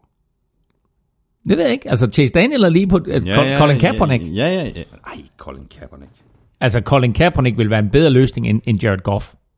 Ja, hvad, han kan i hvert fald løbe bolden. Jamen altså, jeg siger det bare. Nå. Der er nogle quarterbacks på det frie marked. Ja, det er der. Øhm, og Chase Daniel er den seneste nye. Vi nævnte det mm. faktisk ikke i forbindelse med, da vi talte Eagles. Nej. At de har jo signet Nick Foles som backup. Øh, og givet ham 11 millioner dollars for to år. Og dermed fritstillet Chase Daniel. Mm. Og så er Chase Daniel pludselig på det frie marked. Så han ender helt sikkert et eller andet sted. Øh, og han vil gerne være starter. Chase Daniel. Så øh, Rams er ikke umuligt. Interesting. Mm. Interesting. Så designet øh, Robert Woods, Woods øh, tidligere Bills receiver, mm. tror jeg også, at du nævnte, øh, og det er faktisk en øh, rimelig stor øh, femårig aftale på 39 millioner dollar. Jamen, han er også god. Ja. Robert Woods. Ja, Ja. Altså, jeg kan, faktisk, jeg kan faktisk godt lide ham. Øhm, så, øh, og havde jo et, et, et, et fint, fint samarbejde sidste år med Tyrod Taylor. Der var nogle af de lange touchdowns, jeg tror mere eller mindre alle de lange touchdowns, øh, som, som Sammy Watkins ikke greb. Det var Robert Woods, der fik mm, dem. Mm. Øhm, og øh, det vil sige, nu har de da i hvert fald givet Chase Daniel et våben. Eller Jared Goff. Så er vi, øh, så er vi nået frem til øh, Fort Niners, øh, rosinen i pølseenden. Øh, Var det med vilje, du tog dem som det sidste? Jamen, de ligger altid sidst. Ja, ja det gør de. De har øh, fyret Torrey Smith, det har vi talt om. Øh, Lad os, lige starte, lad os lige starte med der, hvor det starter. Og det er, at de hiver Kyle Shanahan ind, og de hiver John Lynch ind. Præcis. Og de to har der Head i den, coach og GM. og de er, er sportschef, kan vel til Ja, at kalde ja. John Lynch. Og de to har der i den grad øh, taget det her free agency marked og så sagt, nu skal vi til. have et hold øh, med de spillere, som vi ønsker, der skal passe ind i det system, vi ønsker at bygge op. og bygge op fuldstændig som Kyle Shanahans øh, system i Falcons. De har simpelthen Præcis. taget brækker, og, og de, de fleste af de, øh, de folk, de har taget ind, er jo folk, som Kyle Shanahan har, har coachet før. Altså forskellige Han steder. var coach for quarterback, Brian Hoyer, i Cleveland Browns. Mm-hmm. Så har de to været hver sit sted henne. Øh, men nu kommer Brian Hoyer som den første spiller, han mere eller mindre hæv ind. Ja. Kyle Shanahan, der hæv han quarterback Brian Hoyer ind. Og det var midt under al den her snak om trader for the Niners, for Kirk Cousins, Præcis. hvad sker der? Øh, og så pludselig, så kommer det frem, for the Niners har signet en quarterback, og det er Brian Højer fra Valby. sådan. Men det er jo en fant- altså, det var, øh, det var lige præcis det, jeg håbede på. Enten øh, Brian Hoyer eller Matt Sharp. Mhm. Mm. Øh, fordi at begge quarterbacks kender Kyle Shanahans mm. meget komplicerede offensive system. Så det er rigtig, rigtig godt at få en, en, øh, en rutineret quarterback, øh, der bare kan træde direkte ind i det her system. Og så får han så Pierre Garçon og kaste bolden til, som, Som- også kender Kyle Shanahans system, Kyle Shanahan var offensiv koordinator for Washington Redskins. da Mike Shanahan. da hans far, Mike Shanahan, var head coach, mm. der kender han Pierre Garçon fra. Ja. Så Pierre Garçon kommer ind og kender øh, systemet, øh, kender måden, man kalder plays på. Øh, så derfor så er, er Brian Højer og Pierre Garçon lige nu, øh, vil jeg sige, øh, de to spillere, som også kommer til at få sådan en eller anden coachrolle over Ja, for de andre ja, ja, spillere, ja, præcis. med at undervise dem i systemet. Mm. Ja, fordi det er selvfølgelig ikke øh, den langsigtede løsning, det her. Det er simpelthen komme ind, være fundament og Præcis. sige, det er sådan her, det skal, det, det skal foregå. Ikke? Jeg vil påstå, at Pierre Garçon i hvert fald er, er er en længere løsning, end, end Brian Højer er. Ej, Brian Højer, han er ikke kun 31. Jo, men altså derfor vil jeg stadigvæk våge påstå, at der kommer, Ja, der, nå, kommer, der, ja, kom- det- der kommer en der kommer en der kommer en quarterback ind, øh, vi er som, som kommer til at overtage. Det kunne enten være Kirk Cousins næste år, øh, så skal de ikke engang øh, trade ham, så kan de bare mm. nappe ham, hvis de ser en fremtid i ham. Eller også kan de drafte Mitch Trubisky i det års draft, og så sætte ham, og så sige, stille og roligt, Marker, du sidder der et år eller to, til du er klar. Lige nu, der er det Brian Højer. Så har de så også signet øh, lynhurtig receiver, speed, speed, fuldstændig mm. vanvittig øh, fart. Marquise Goodwin, toårig kontrakt på 8 millioner dollar. Øh, det giver også øh, fuldstændig mening, at du kan godt Som høre. i øvrigt også kommer til for Buffalo, ikke? Ja. Så du har to, to af de der hurtige receiver på Buffalo, ja. som pludselig befinder sig i NFC West. Mm. Øhm, du kan godt høre, at jeg har købt fuldstændig ind på, på Shanahan Ja, ja, og, det er øh, også fint. og, og Lynch. Ja, men jeg, jeg, jeg, Ja. ja. det, alle deres, deres moves øh, giver, giver mening ja. i min bog. Det kan godt være, at du er uenig i et af dem. Ja, Øhm, Malcolm Smith. Nå, jeg er også Malcolm Smith. Ja, men jeg havde også håbet lidt på, at øh, de måske var gået efter Zach Brown i stedet for. Øh, men det- jeg, jeg ved ikke, om Malcolm Smith... Malcolm Smith er tidligere Super Bowl MVP. Ja. Han skulle ikke have været Super Bowl MVP i min bog, øh, men han spillede for Seattle Seahawks og havde en god Super Bowl, da de besejrede Denver Broncos. Øh, det skulle øh, selvfølgelig have været Cam Chancellor. Og havde også en hånd i, i vejen i øh, NFC-finalen mod 49ers det år. Sådan, det havde han Det var faktisk. dengang Richard Sherman øh, interceptede i er rigtigt, ja. sidst. Øhm, men, øh, men han fik aldrig succes hos Raiders. Øh, og nu øh, skifter han altså lige over på den anden side af bugten mm. til, øh, til 49ers. Så, øh, så han, han er en ny mand. Ham er jeg ikke, ham er jeg ikke så stor fan af. Øh, til gengæld synes jeg, vi er nødt til lige at vende Kyle Juszczyk. Ja. Ham er jeg kæmpe fan af. Okay. Jeg er kæmpe fan af den signing. Okay, fullback, der kommer til fra Baltimore Ravens, mm-hmm. og du er nødt til at fortælle mig, hvorfor du er kæmpe fan af den signing. Jamen det er jo fordi, at øh, som de siger i 49ers, både Shanahan og, og, og Lynch, det her det er ikke en fullback, det er et OW, Offensive Weapon. Mm. De vil bruge ham faktisk nøjagtigt på samme måde, som Shanahan brugte DeMarco mm. i Falcons. Mm. Og det er ikke alt, du kan læse ud af stats og så videre. Mm. Men jeg, når de begge to er så sikre, og de går ud og lægger den her pose penge, og i øvrigt er der øh, Morten Hørkild Sten, der har, der har øh, tweetet en servicemeddelelse. Kyle Juszczyk øh, ville bare gerne til San Francisco og spille for Shanahan og ned til det gode vejr. Så har han videre sendt et billede og en tekst fra 49ers webzone. Kyle Juszczyk turned down more money to play for the 49ers. Øhm, Jamen, det, det, det har jeg virkelig svært ved at tro på, at der er andre hold, der har tilbudt ham flere penge. Det har jeg virkelig svært ved at tro på. Fort Niners giver ham dobbelt så meget, som der nogensinde i NFL's historie er betalt for en fullback. men han er ikke fullback. Det er det, der er hele Han er pointen. offensive weapon. Men er, han kommer ikke til at løbe foran running backen. Han kommer ikke til at løbe foran Carlos Hyde for, for at give ham plads. Watch it. Watch it. Jeg glæder mig allerede. Ja, ja, okay. Så der er simpelthen skabt, der er skabt en, en øh, altså vi har altid haft RB, der stod for running back, og FB, der stod for fullback. Så har vi haft øh, HB, der stod for halfback, og sådan lidt. Nu har vi så fået et OW, Præcis. som står for overweight. Wait. Offensive weapon. Mm. Det bliver stort. Okay. Øh, endnu en signing. Øh, tight end Logan Paulson. Også for Redskins. Mm. Øh, Aldrich yeah. Robinson, receiver, kommer til fra Falcons. Ja. Ikke? Så endnu en, der kender Shanahans system. ja, præcis. Øh, et hold øh, under øh, genopbygning, et helt nyt system, et helt nyt øh, angreb øh, osv., men jeg synes, de er kommet øh, godt fra start. Der er rigtig, rigtig mange huller, der skal, der skal lukkes, og der er, er meget, hvor man sådan ligesom starter fra scratch. Det er en god start. Nu skal Kyle Shanahan og John Lynch bevise, at de kan klare sig i draften, Ja, præcis. fordi det bliver en super interessant draft Det bliver for dem. simpelthen så... Jamen, det bliver en fed draft i det hele taget. Det bliver en fed draft, helt sikkert. Og du, du har nævnt, at øh, det er en rimelig øh, tung klasse inden for tight ends. Mm. Det er det også inden for safeties. Ja, og, og faktisk også ja, altså cornerbacks og safeties. Ja. Øh, så, så der- altså ja. Og så øh, må vi sige, sidste år, der betragtede vi heller ikke øh, den der overgang som, som stor inden for quarterbacks, og pludselig så var det et og to, der blev taget quarterback. Øh, I år siger man også, at der er ikke så mange gode quarterbacks, men altså pludselig så er der øh, Deshaun Kaiser og Deshaun Watson mm. og Mitch Trubisky og flere andre, som begynder at røre på sig. Og inden du får set dig om, så bliver der altså draftet tre eller fire i første runde. Mm. Øh, og der skal nok komme nogle vilde trades, øh, fordi ja. folk er, er quarterback øh, tørstige, øh, hungrende. Men, øh, men kunne, man, kunne man forestille sig, mm. At Browns, de trader med 49ers, at de beholder første picket, mm. tager Miles Garrett mm. som den klart bedste spiller mm. i draften, mm. og så siger de, vi vil også have Mitch Trubisky. Hvis de ikke tager Garoppolo, mm. fordi jeg tror, 49ers tager Mitch Trubisky, hvis, hvis de ikke øh, finder, mm. finder nogen at, at, at bytte pick med. Altså, Og så kan de sige, jamen ja. ja. ved du hvad, så der, der skal ikke så meget til. For Niners, de vil gerne øh, ned, fordi de spillere, de i virkeligheden gerne vil have, at man kan lige så godt tage som nummer 8, nummer 10, mm. nummer 12, mm. nummer 15.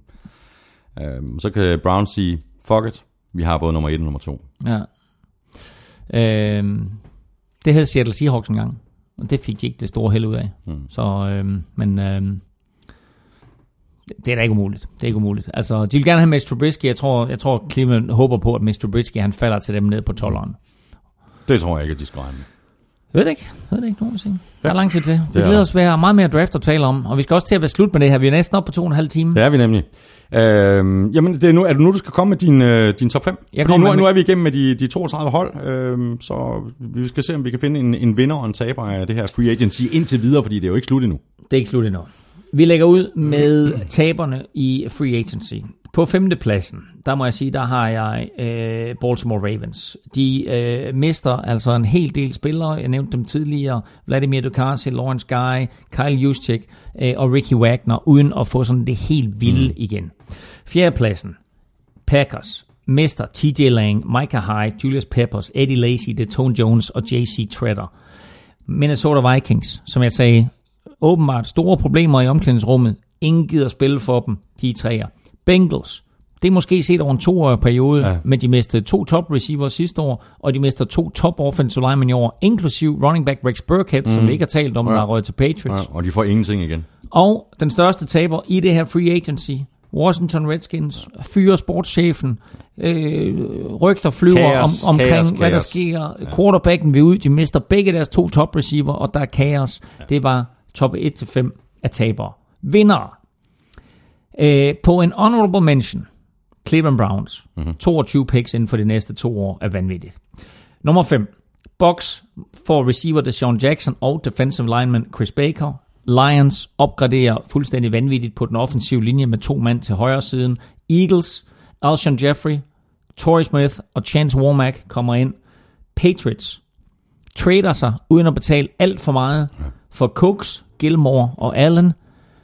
Og for andet år i træk vil jeg bare sige, Jacksonville Jaguars er helt fremme i skoene. Ja, de har brugt i de sidste tre år, skal lige se, om det er rigtigt, de sidste 25 måneder, det vil sige to år og en måned, der har de brugt 541 millioner dollars, svarende til 3,7 milliarder kroner på free agency. 3,7 milliarder kroner. Det kan godt være, at de har købt sig til sejren i min top 5 her, men de er nummer et. Cornerback AJ Bowie, defensive end Calais Campbell og safety Barry Church. Det er nok til at vinde den her free agency-periode lige nu. Vi skal have quizzen. Åh. Det er tid til quiz, quiz, quiz, quiz, quiz. Claus Elming, jeg er simpelthen så skuffet over, at få en Liners ikke var på den der liste der over den der top 5. Ikke engang en honorable mention kunne det blive til. Ej, det jeg vil godt, jeg vil godt sige. Nej, jamen, Men det er offensive weapon, de har fået. Jamen, stop dig selv. Men prøv at høre, det fede ikke, det er, at jeg kan sidde og lave den her top 5 over vinder og tabere nu. Vi ved det ikke før om Nej. et år eller Nej, to nej, nej, år. nej. Ikke? Altså, og Det er sådan, sådan, er det som bare. det er lige nu. Ja, ja, præcis. Andet kan vi jo ikke rigtig gøre. Øh, Claus, jeg skal, øh, jeg, skal, jeg skal svare på. Du, må- du må hellere gentage, gentage spørgsmål, og jeg, ja. jeg, jeg ved, hvad jeg gør, når du har stillet spørgsmål. Så mm. trykker jeg på den der. Nej, nej, fordi der er et hint derinde, som du skal lægge mærke til. Okay. Jeg leder efter en spiller, der vandt Heisman Trophy som den bedste college-spiller nogensinde. Eller ikke nogensinde, men det år, han spillede. Så startede han sin professionelle karriere for US, eller i USFL. Han spillede for Donald Trumps New Jersey Generals. Så kom han til NFL, og mens han spillede i NFL, der var han faktisk også med i OL i 1992. Han indgik i en af de største handler nogensinde i NFL's historie, og til sidst, Prøv at se, hvordan jeg sveder. så sluttede han af med øh, at tage sådan på en NFC East rundtur, hvor han spillede for Eagles, Giants og Cowboys. Hvem leder jeg efter? Jeg, jeg aner det simpelthen. Jeg kommer ikke i tanke om det. Lige meget, hvor mange hints. Min, min, min En running back. Min hjerne koger. En running back, der indgik i en af NFL's største handler. Hvad gjorde, hvad gjorde Dallas Cowboys gode? Den berømte Herschel Walker-handel.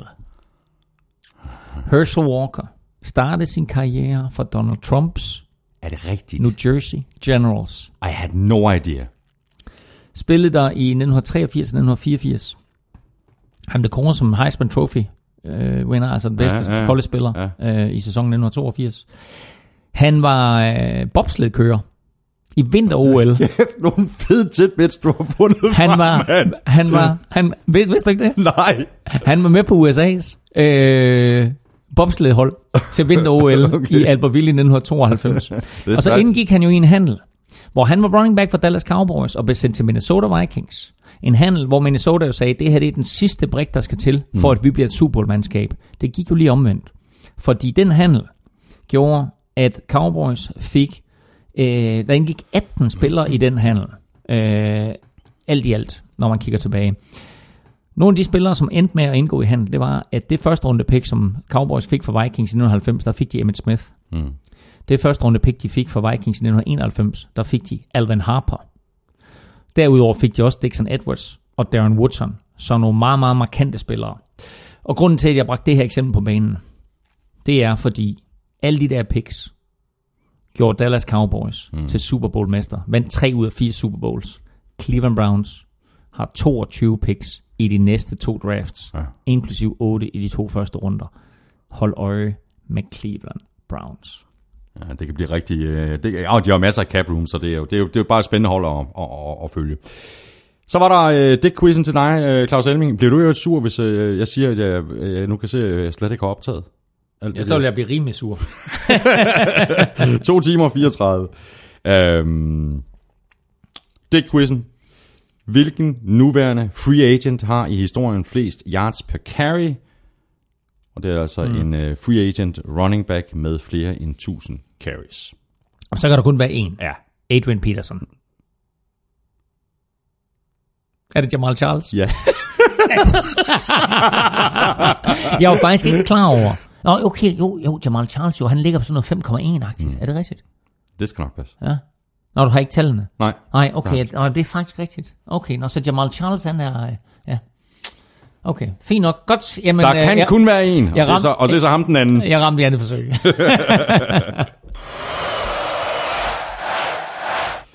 Nu skal vi øh, have sat nogle penge ind på Odds på Danske Spil, Claus. Der er masser af spil på, øh, også i forhold til NFL, øh, selvom der ikke rigtig bliver spillet så forfærdeligt mange kampe lige nu. Jamen det fede af det hele, det er, at øh, vi har jo simpelthen så god en aftale med Danske Spil, at øh, jeg skrev til dem, prøv at høre, vi skal have nogle odds på Andreas Knappe og draften, vi skal mm. have nogle odds på noget free agency, hvor ender de forskellige spillere henne, og der er faktisk øh, nogle rigtig, rigtig fede specials derinde, øh, som hedder NFL 2017 special, så går man ind på Danske Spil, så skal man altså lige kigge efter NFL 2017 special. En af de ting, man kan spille på, det er, Andreas Knappe er i en 53-mand trup første spilledag, eller Andreas Knappe er ikke i en 53-mands NFL-spilletrup første dag. Mm-hmm. Der er fire i odds på, at han er. Øh, med hjertet, Ja, siger, ja. med hjertet siger jeg ja. ja. Odds 4. Jeg tror, Andreas Knappe ender på en practice squad. Så jeg tror ikke, at han, øh, jeg tror ikke, han er en 53-mand trup. Så spil på, at han ikke er en 53-mand trup per første NFL-spilledag. Jamen, det kan jeg da ikke spille på. Nej, men det kan man ikke. Vel? Det kan man ikke spille Nej, på. men jeg, nu giver jeg gode råd videre her. Hvad, hvad, og, og, og, hvad er det? Hvad var det også hvad? Det er der odds 21 på. Ej, ved du så sætter jeg simpelthen hellere mine penge på, på odds, øh, odds 4, hvor han er. 21, hvor han ikke er. Så skal jeg sidde og håbe helt vildt meget, at, Jamen, det er også at mine 100 kroner bliver til 120. Jamen, her kommer det bedste af det hele, det er, Andreas Knappel bliver draftet 2,25. Andreas Knappel bliver ikke draftet 1,55. Der siger vi, Andreas Knappe bliver draftet til 2,25. Jamen, det er da enig med dig i. Nå, så kommer vi til Tony Romo. 21. Jamen, nu, nu, rammer, nu rammer jeg bare op. ja, ja. Godt. Det er god nok. Du skal spille på, at han bliver draftet. Ja, det gør jeg også. Nå, så kommer vi til Tony Romo, hvor han inde på første spilledag. Er han hos Houston til 91? Er han hos Denver Broncos til 2.10? Er han hos Kansas City Chiefs til odds 15? Eller Chicago Bears til odds 20? Eller er han hos et helt andet hold end de nævnte? Prøv lige at sige dem igen. Det starter med de to oplagte. Det er Houston Texans, Texans til 91, Ja. og Denver Broncos til 2.10. og så kom der en bag. Altså Chiefs til 15 og Bears til 20. Nej, det kommer ikke det, til at det, ske. Det kommer ikke til at ske. Men det vil sige, er han hos et af de, et af de andre, eller et, et hold, der ikke er nævnt til odds 15? Kan man forestille sig det? Hvem skulle det være? Altså, der er, Rams? Ja, altså, der er Rams, der er, jeg har jo sagt Cardinals lang tid jo. Hvad med Jets? Ja, de kunne også godt have brug for lidt øh, Øhm. assistance. Nå, men lad os sige, Tony Romo er på kontrakt hos Houston Texans Ja, det til odds 91. Ja, det tror jeg også, det ender med. Nå. Hvor spiller Adrian Peterson? Første spilledag. Øh, Minnesota Vikings odds 6. New York Giants odds 3. Tampa Bay Buccaneers odds 3. Houston Texans odds 8. Eller på kontrakt hos et andet hold end de nævnte til 4,5. Øh, og der tror jeg faktisk... Altså, Skal de ikke bare hyre det med Giants? Skal, skal de bare hyre ham med skal Giants? ikke høre med Giants? Skal, er det ikke det? Er det, vil det ikke, Giants, vil det ikke passe? Giants til odds 3. Ja, Så lad os sige det. det synes jeg er oplagt. Godt. Og så kommer vi til Dante Hightower. Er han hos Jets? Er han hos Steelers eller hos Patriots? Patriots giver odds 3, Ja. og det synes jeg bare, man skal spille på. Okay. Det er måske det bedste bet, vi har lige nu. Det er odds 3. Så kan man faktisk også spille på øh, Colin Kaepernick. Er han hos 49ers til odds 3? Nej, det er han ikke. Er han hos Jets til odds 3? Eller er han hos et andet hold, end de nævnte, til 2,25? Ja. Skal vi ikke bare sige det? Jo.